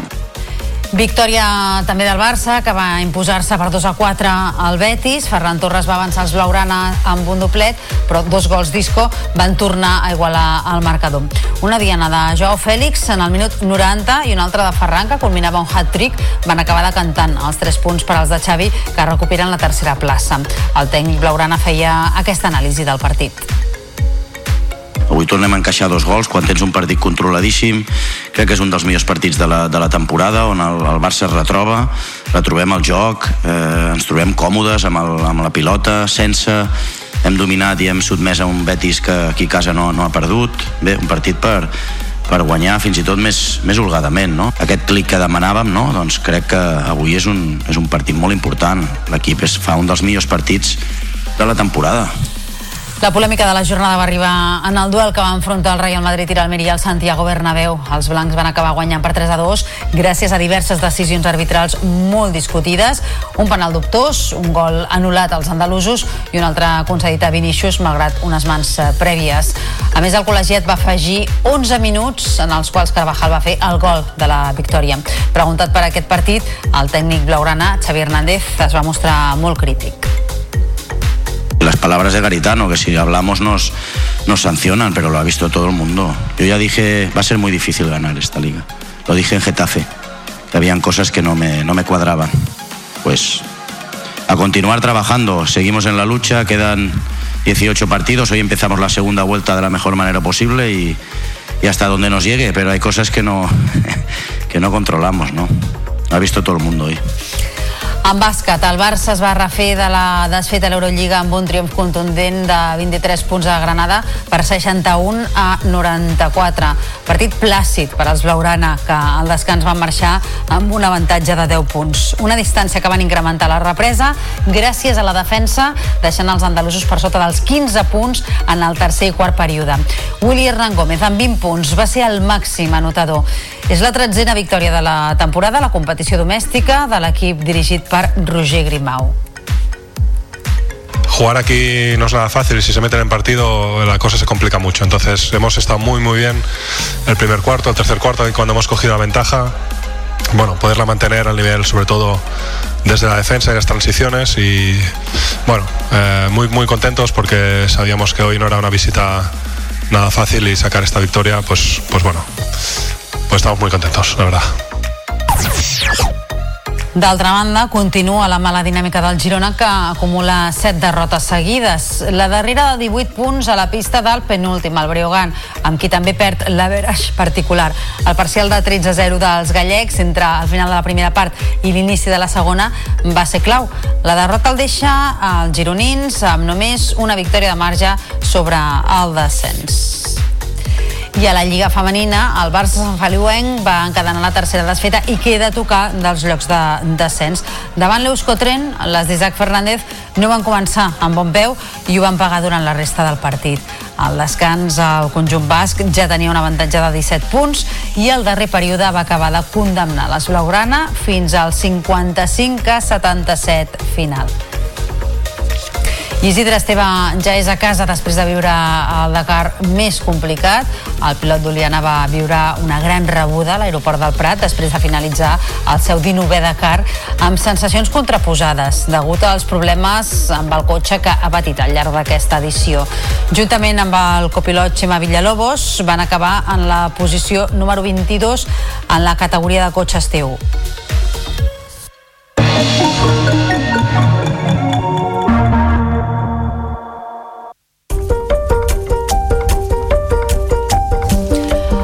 Dotzena edició del Festival Tiana Negra ha estat, segons els organitzadors, una de les que més públic ha plegat de tota la seva trajectòria. Aquest any s'han centrat en el gènere del true crime, és a dir, les novel·les basades en la investigació i la reconstrucció de crims reals.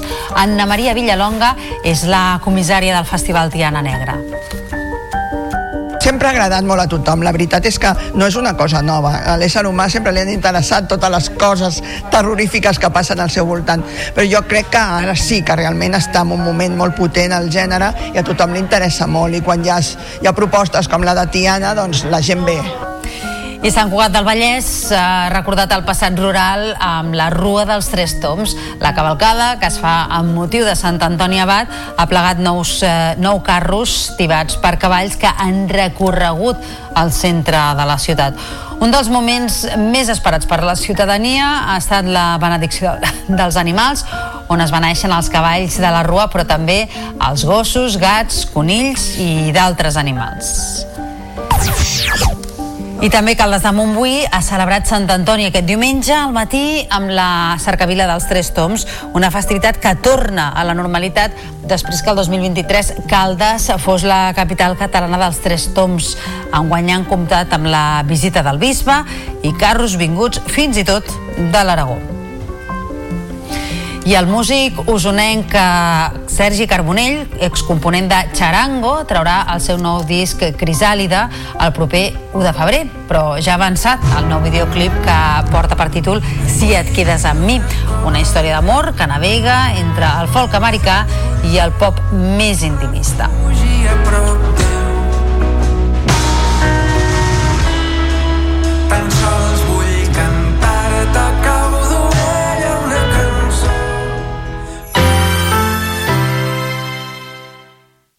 La xarxa de comunicació local. Això va de creativitat. Un món de curiositats, experiències, somnis i realitat. L'artista Roger Martínez ens convida a volar pel seu imaginari i ens inspira a veure el món amb un toc d'imaginació i humor. Avui va de Matrix. Fa vint i pico d'anys que van estrenar la pel·lícula Matrix, però jo, fins fa uns dies, no l'havia vist encara. I com no podia ser d'una altra manera, em va generar un debat intern. I si realment estem a Matrix? Saps què? Vaig a provar-ho. Estic sentada al sofà, tapada amb la manta, tanco els ulls i em concentro.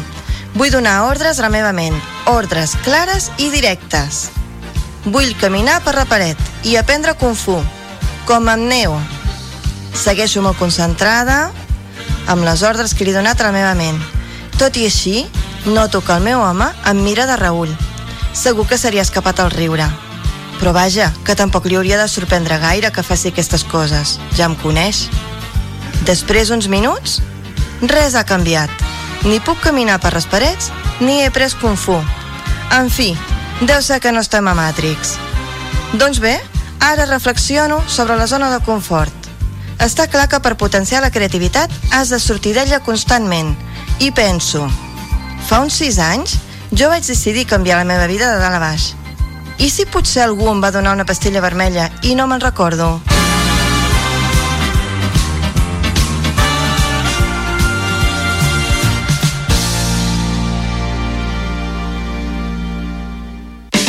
La xarxa de comunicació.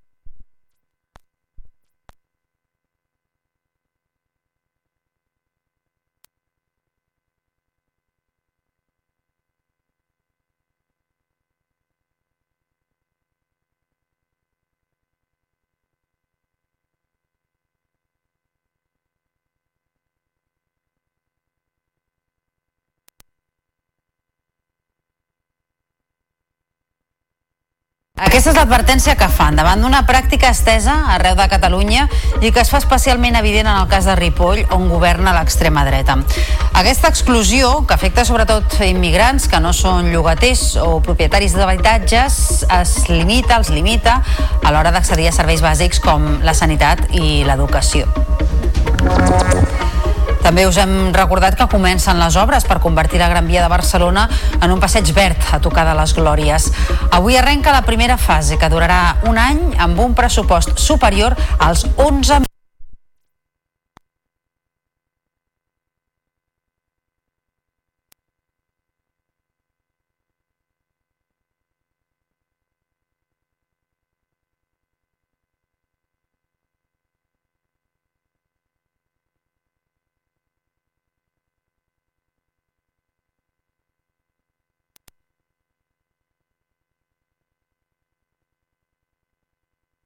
fins a la tercera fase d'emergència. I en esports, doble victòria del Girona i el Barça. A la primera divisió de futbol, els blanquivermells van golejar per 5 a 1 al Sevilla i es mantenen líders en solitari. I el Barça, per la seva banda, va superar el Betis per 2 a 4 amb dos gols en el tram final del partit i recupera la tercera plaça a la classificació. Notícies en xarxa, edició matí.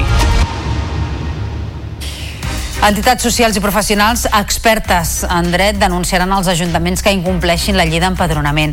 Una pràctica estesa arreu de Catalunya que impedeix a les persones que no són propietàries o llogateres d'un habitatge tenir accés a serveis bàsics com la sanitat i l'educació.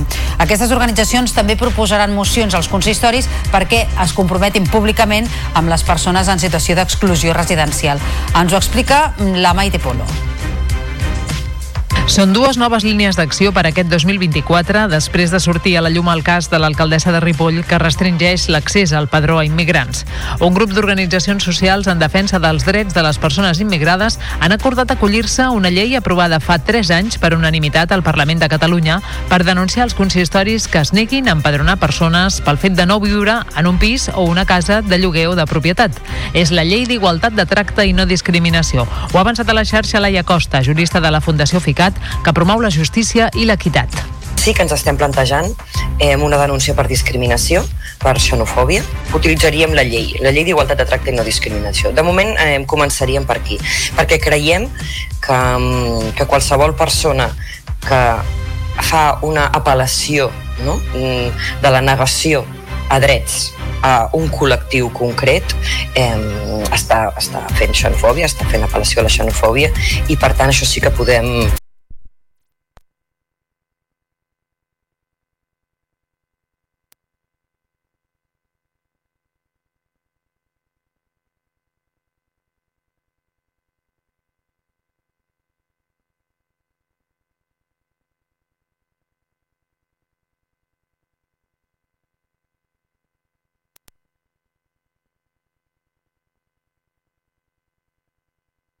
amb el director general per la promoció i la defensa dels drets humans, Adam Major Garriga. Senyor Garriga, molt bon dia. Molt bon dia. Des de la Generalitat, tenen constància de que es produeix aquesta situació a alguns ajuntaments o a molts ajuntaments? Sí, i des de fa ja bastant temps. I de fet per això hem tinc, ja, fa, ja fa també temps que tenim un programa, una estratègia d'empadronament que consisteix sobretot en donar eines als ajuntaments perquè empadronin a les persones que viuen en situacions més precàries i que, i que tenen més dificultats a l'hora de portar una documentació que acrediti que efectivament viuen en el municipi. Uh -huh. Ja fa temps que el que estem dient als ajuntaments és, en aquests casos, heu de ser proactius i heu de ser vosaltres qui feu l'esforç de comprovar i de, i de, i d'acreditar que efectivament aquella persona és veïna de, del municipi i per tant ha de ser empadronada. Uh -huh. I es tracta d'una pràctica, deia que sí que tenen constància, es tracta d'una pràctica molt generalitzada? Hi ha algun tret comú entre els ajuntaments que, que ho fan? És una pràctica que té relació amb qui governa en aquell municipi? Mm, jo no diria tant. És a dir, segur que, que hi ha un biaix polític, però el cert és que això, aquesta és una, una pràctica generalitzada en molts ajuntaments de la, de, del país i governats per, per forces de, de diferents colors. Aquí hi ha, una, hi, hi ha un problema que és doble. És a dir, per una banda, la llei és molt clara en el sentit que tots els veïns i veïnes d'un municipi han de ser empadronats, visquin en la situació que visquin, però també és veritat que la llei preveu que els ajuntaments puguin de demanar al sol·licitant d'empadronament algun tipus de document acreditatiu del domicili. I aquí, en, aquest, en aquesta... entre una cosa i l'altra és on els ajuntaments s'agafen per denegar el padró. En alguns casos, aquesta denegació nosaltres volem pensar que és feta de bona fe, és simplement perquè consideren que no es reuneixen tots els requisits. En d'altres eh, hi, ha, hi pot haver mala fe en el sentit de deixar fora del padró a persones normalment provinents de la, de, la, de la migració i pràcticament sempre amb pocs recursos que per la raó que sigui doncs els ajuntaments no els volen empadronar. Per tant, és difícil a vegades identificar eh, fins a quin punt és una dificultat tècnica de, de poder doncs, complir tots els requisits per empadronar algú o fins a quin punt hi ha també una voluntat política de discriminar a un tipus de persones. Perquè eh, quan una persona accedeix o vol accedir al padró i no disposa ni d'un contracte de lloguer ni tampoc d'una escriptura de la propietat i l'Ajuntament és un document d'acreditació que, que demana eh, quines eines, deia abans, eh, que donaven eines als consistoris, què és el que pot fer l'Ajuntament per tal d'empadronar-lo però sabent que realment viu on diu que viu? Moltes coses. Miri, d'entrada, la pròpia llei ja preveu que la gent se la pugui empadronar si viu en una barraca o fins i tot en una cova. La llei parla textualment de coves. Uh, com es pot fer això? Comprovant in situ, fent una comprovació in situ de que aquella persona efectivament, efectivament viu allà. També hi ha casos en què, per exemple, la persona està en, en relloguer, és a dir, té llogada una habitació a, a casa d'algú altre, però aquest algú altre no, no li permet facilitar l'adreça perquè doncs, aquell lloguer és irregular o per la raó que sigui. Uh, en aquest cas, la persona que sol·licita el padró, que és la víctima d'aquesta situació irregular, uh, té més dificultats per demostrar que viu allà i no pot tampoc fer una, uh, proposar una, una comprovació in situ. En aquests casos uh, hi ha altres maneres, per exemple, uh, demostrant que els fills s'escolaritzen allà, demostrant que té una activitat presencial allà en aquella ciutat, amb el testimoni d'entitats de, del poble, o fins i tot amb, amb la seva declaració per escrit. És a dir, una declaració signada dient no, jo visc aquí en aquell, en aquell municipi i el que passa és que no puc demostrar uh, físicament on visc. no hauria de ser un problema, perquè en el fons, és a dir, si, si una persona va a un ajuntament a empadronar-se, el 99,9% de possibilitats és que aquella persona efectivament visqui allà en aquell municipi, perquè si no, per què hauria d'empadronar-se allà? Penseu que un padró no és un bé que es pugui acumular ni que es pugui comercialitzar perquè és personal intransferible. Per tant, si una persona demana un padró, hauria de tenir d'entrada eh, presumpció de veracitat.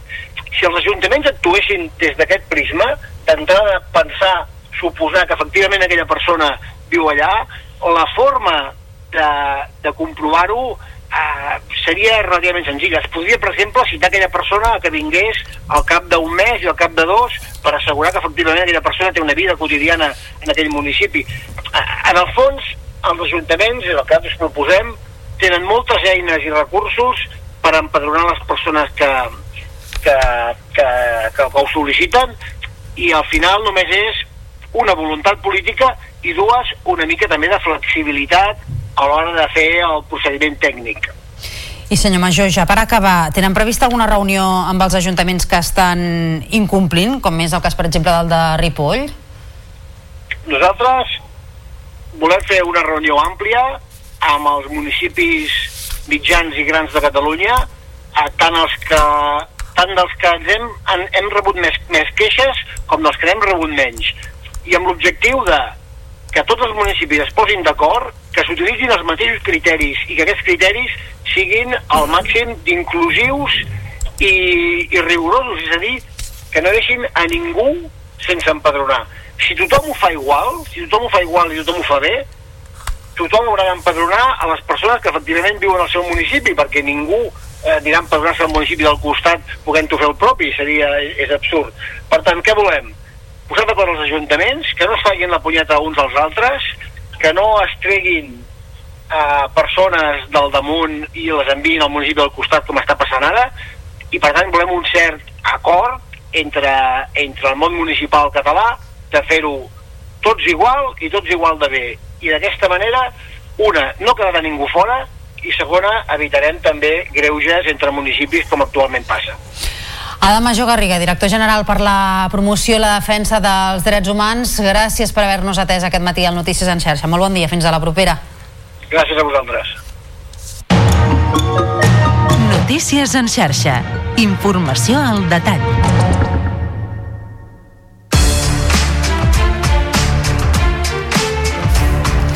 El president del govern espanyol, Pedro Sánchez, ha anunciat aquest diumenge que els pròxims pressupostos estatals inclouran un pla de reforç en matemàtiques i en comprensió lectora. Superarà els 500 milions d'euros per tota la legislatura, si així s'aprova al Congrés, i abarcarà des de tercer de primària fins a quart d'ESO.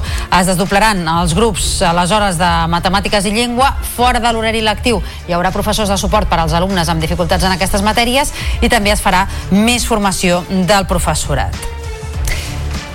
El president del govern espanyol ha fet aquest anunci des de Galícia durant el tancament de la convenció del PSOE, una convenció en la qual es va parlar també de l'anomenada Operació Catalunya que continua aixecant polseguera política. Sánchez va denunciar el que va qualificar de guerra bruta de l'expresident Mariano Rajoy.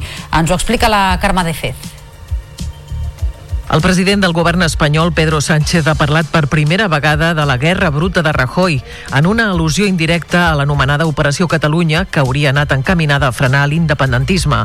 Como no se une España, es con recortes, corrupción o la guerra sucia de Rajoy, o el 155 permanente de Abascal, o el dislate de la ilegalización de partidos políticos que propone Feijó. Això ha servit perquè alguns partits tornin a reclamar una investigació a fons sobre aquelles possibles activitats. Els membres de la cúpula judicial espanyola, sigui per omissió o sigui per acció, són els màxims responsables d'això que està patint Catalunya des de fa molts anys, d'això que estem patint els ciutadans de Catalunya. Uh, I això és una realitat que ja ni el mateix govern espanyol pot, pot uh, uh, obviar. D'altres posen al punt de mira actuacions judicials concretes, com la del jutge de l'Audiència Nacional Manuel García Castellón, qui vol continuar jutjant el tsunami democràtic com a terrorisme. Si el senyor García Castellón vol fer política, doncs el que ha de fer és presentar-se a unes eleccions. Estic convençuda que el Partit Popular li obriria les portes de bat a bat, però el que no pot fer és utilitzar les institucions judicials. Pel que fa a la llei d'amnistia que s'ha de votar d'aquí a nou dies al Congrés, tant Junts com els comuns confien que s'arribarà a un consens. A tot plegat, el president del PP, Alberto Núñez Feijó, ha tornat a rebutjar una llei d'amnistia que defineix com la de la conveniència i no pas de la convivència. Ho ha fet des de Galícia, on el mes vinent se celebren eleccions a la Junta. La amnistía que era inconstitucional el 23 de julio y que ahora es un modelo de convivencia. La amnistía que supone que si me votáis, os la doy. Y si no me votáis, no os la doy. Y por tanto, nos vamos a votar, me vais a hacer presidente y yo os voy a perdonar los delitos que habéis cometido. Y además, no tenéis que decir que no lo volveréis a hacer. Al contrario, debéis de decir que lo volveréis a hacer. Y además no renunciáis a un referéndum de autodeterminación. Al contrario, vamos a pactar la fecha en su caso para celebrarlo. Y además, no tenéis por qué decir que vais a cumplir la Constitución. Al contrario, la Constitución es un texto caduco.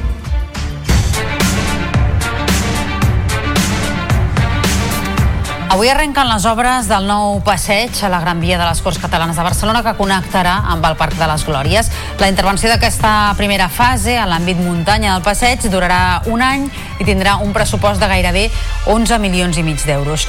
Tots els detalls en aquesta crònica de BTV. Els treballs tenen un pressupost d'11 milions d'euros i s'allargaran un any. Quan acabi aquesta primera fase començarà la següent, al costat mar de la Gran Via. Un cop estigui tot llest, la primavera del 2026 s'haurà creat un passeig per a vianants de 21 metres d'amplada al centre del carrer. Hi haurà zones d'estada, per terres i àrees de joc. També s'ampliaran les voreres laterals. Al costat muntanya farà entre 5 i 7 metres i al mateix nivell hi passarà el carril bici per a trànsit local i serveis. A l'altra banda, la vorera farà 4 metres, també hi haurà el carril bici per a veïns i la gran novetat de la transformació, un carril inèdit que compartiran el tramvia i els autobusos. aconseguirem tenir un passeig verd eh, molt important, eh, molt amplada, amb molts espais de qualitat, d'estada, de joc, que connecta amb tota la urbanització de la plaça de les Glòries i que, per tant, donarà molta més qualitat a l'espai públic, als barris del voltant, en definitiva. El tram de la Gran Via renovat serà un eix verd. L'Ajuntament hi plantarà 400 arbres quan les restriccions per la sequera ho permetin, que serviran per delimitar les zones d'estada i de joc i per crear espais d'ombra. També en clau ambiental, el paviment tindrà colors clars per reduir l'impacte de la calor a l'estiu. Les pluges de la setmana passada van servir per remullar els camps, però els embassaments de les conques internes de Catalunya ja són al mínim històric del 16%.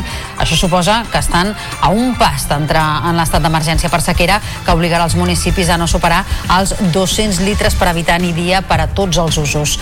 Amb tot, la situació és millor als embassaments que depenen de la Confederació Hidrogràfica de l'Ebre i que abasteixen gran part de les províncies de Lleida i Tarragona, ja que aquests estan al 41 amb 58% de la seva capacitat. I Girona tanca des d'avui les dutxes de tots els equipaments esportius municipals i de les piscines. Només les obrirà després dels partits. La ciutat s'anticipa així al pla de sequera de la Generalitat, on aquesta mesura no està prevista fins a la tercera fase de l'estat d'emergència. Saludem ara als companys de la televisió de Girona, les companyes en aquest cas, la Júlia Avellí i la Luna Blanco. Molt bon dia. Molt bon dia. Doncs sí, com deia, Girona s'ha avançat i ha donat un pas més enllà per l'estat d'emergència per sequera. Avui es comencen a tancar doncs, les dutxes de les piscines i els equipaments municipals de la ciutat. Um, només es podran utilitzar uh, durant els partits, en els partits i no en els entrenaments diaris. Um, aquesta mesura s'aplica tant a clubs base com a clubs professionals perquè bé aquí a Girona doncs, tenim el bàsquet Girona, l'Espart Girona, el Club d'Hockey Girona i també el Girona Futbol Club perquè ens resolgui tots aquests dubtes tenim amb nosaltres en Sergi Cot, regidor d'Acció Climàtica de l'Ajuntament de Girona. Molt bon dia. Bon dia. Per què decidiu avançar-vos aquestes mesures? Bé, no, no, no és una qüestió d'avançar-nos, eh, tampoc, no és una cursa, diguéssim, vull dir, tard d'hora i més d'hora que tard, la Generalitat haurà d'aplicar mesures restrictives, esperem també en les seves competències, no?, que són molt més àmplies que les nostres, uh, però és això nosaltres el que decidim és anar prenent mesures, vam prendre, hem pres altres mesures a part d'aquesta que s'inicia avui, i bàsicament doncs cadascú eh, eh, dins el seu terreny, dins les seves competències poder avançar cap a intentar minimitzar aquesta qüestió i sobretot fer una, un tema de pedagogia que és molt i molt important. Jo, jo diria que el que més, més que la quantitat d'aigua que podem estalviar aquí o a casa etc i, i aquesta mena de petit ball de dades que pot haver-hi en funció també de cada persona doncs la qüestió pedagògica és la més important. La situació és molt crítica i no millorarà sinó que empitjorarà els propers mesos i ens, podem, ja ens hi podem acostumar perquè, perquè estem en un procés de desertificació regió que es diu del Mediterrani degut a la crisi climàtica i per tant són qüestions que de cares al futur haurem de tenir molt més presents. Perquè, clar, quina és la despesa mitjana d'aigua d'una persona a Girona?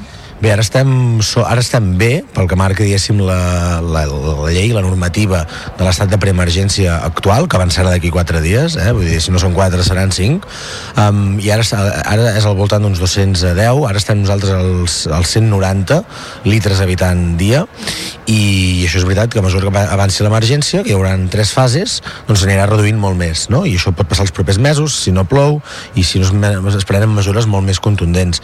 Um, aleshores, el que comentava abans, diguéssim, ja ens podem preparar tots i totes plegats i plegades perquè, perquè això és una cosa que ha vingut per, per quedar-se i fins que no hi, hi hagi un règim de normalitat de pluges uh, o episodis uh, que ara mateix no estan previstos, no tornarem a una situació dolenta. Vull dir, ara estem en una situació crítica, la situació dolenta està lluny ara mateix.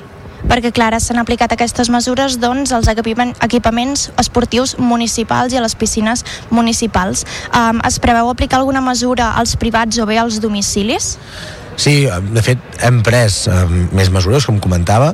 Nosaltres tenim competència sobre allò municipal, allò públic, diguéssim, però, però és veritat que vam enviar una carta ja abans de l'estiu als, al, als grans operadors, els grans operadors, perdoneu, els grans consumidors d'aigua eh, a, a partir dels 3.000 eh, metres cúbics d'aigua anuals, això són una cinquantena, si no m'equivoco, uns quants, no? Aquí hi ha establiments privats, eh, centres sanitaris, etc.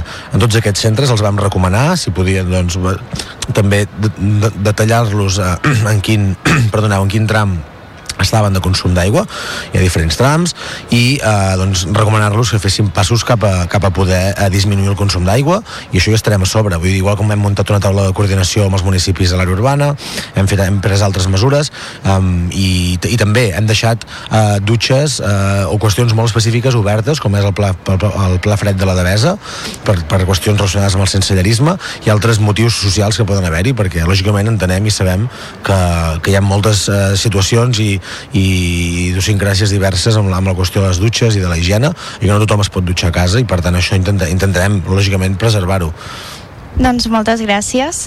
Doncs ja sabeu, um, des de casa també hauríem de reduir aquest consum d'aigua perquè bé, l'aigua és una cosa de tots i totes i a tothom ens afecta això, llavors la, ciutad la ciutadania, perdoneu, ha de ser partícip.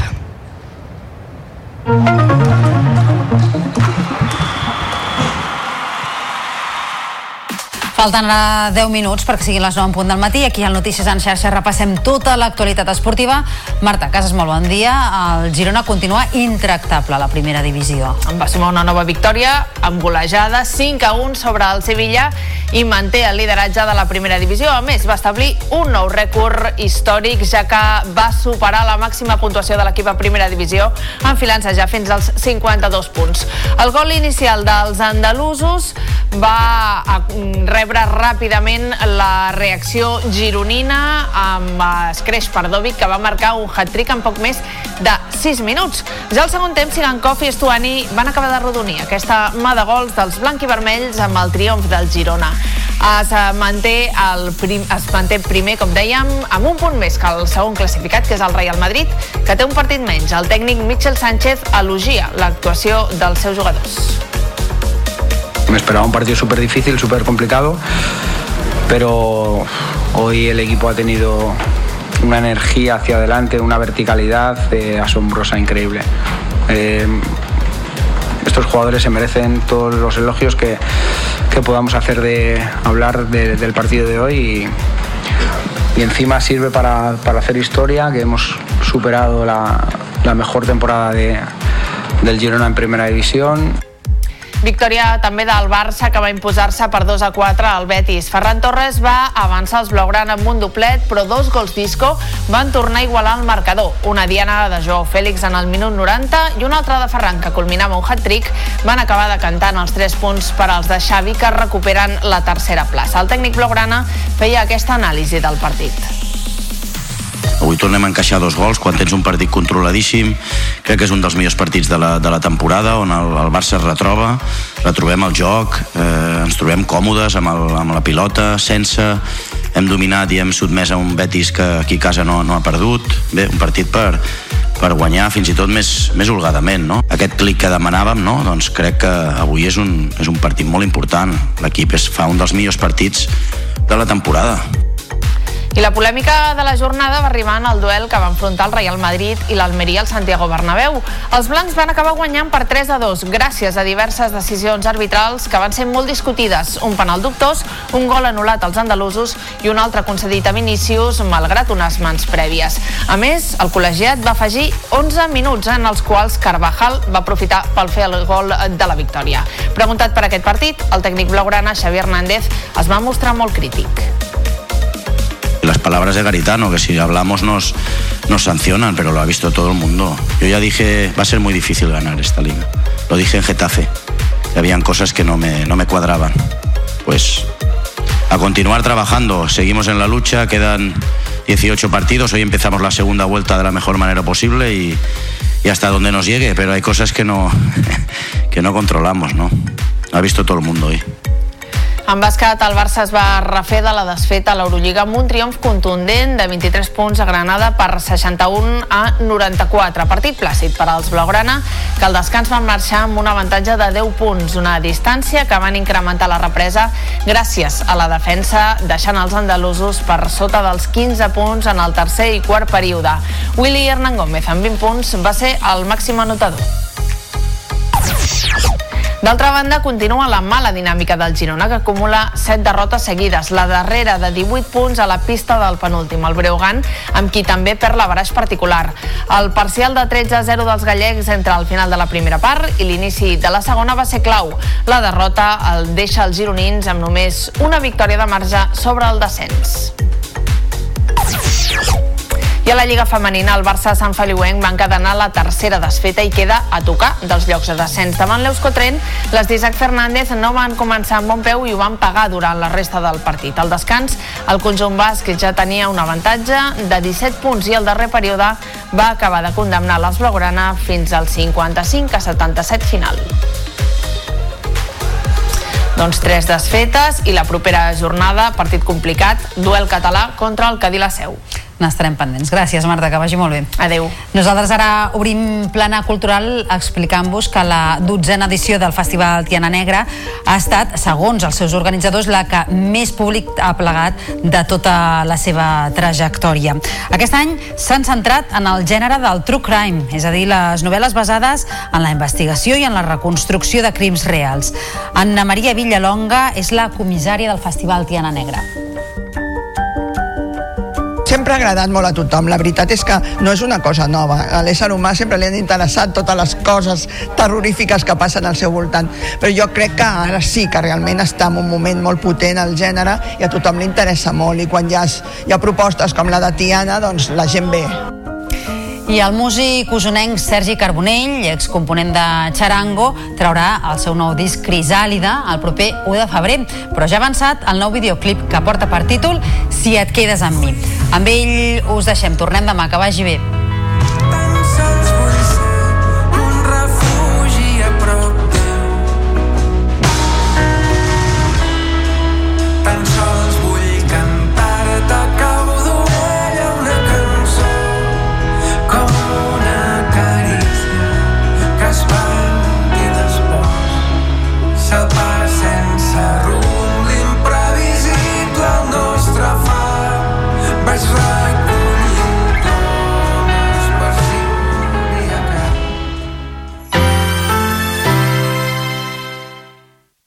La xarxa de comunicació local.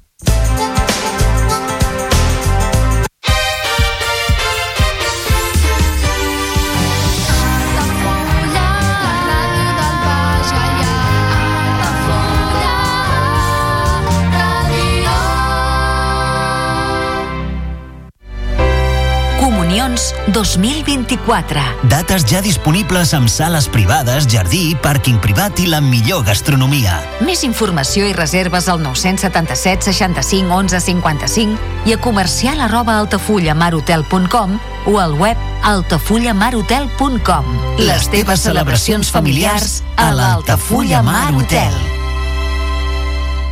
Ja coneixes les propostes que t'ofereix el Club Marítim Altafulla? Vine i descobreix totes les nostres activitats. Sortides en caiac o pa del sur, cursos de vela per a totes les edats. No t'ho perdis. Club Marítim Altafulla. Obert tot l'any i per a tothom.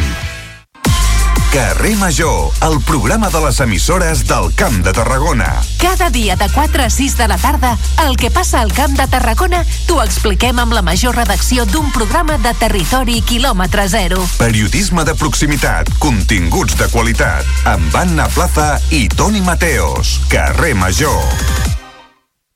Al meu país la pluja no sap ploure. Canvi climàtic asseca els rius, posa en risc l'abastament d'aigua i la producció d'aliments. Treballem per fer front a la sequera i garantir l'aigua, però cal l'esforç de tothom. Cada gota compte. La pluja no la controles, l'aixeta sí. Generalitat de Catalunya, sempre endavant.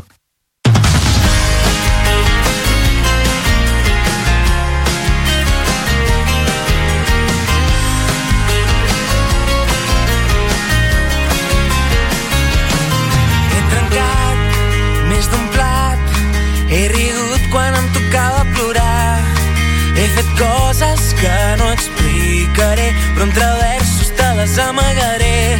Deixa que et convenci un altre cop, dona'm quatre notes i ho tinc tot. Somiant, he trobat els secrets que mai t'havia amagat. M'agrada veure com la lluna juga amb el teu nas. M'agrada fer l'amor a poc a poc, m'agrada ser com sóc. Tornarem, volarem i entre els núvols veurem que la vida és tan sols un moment. Però no veus, no veus, ja no tens els teus pèls.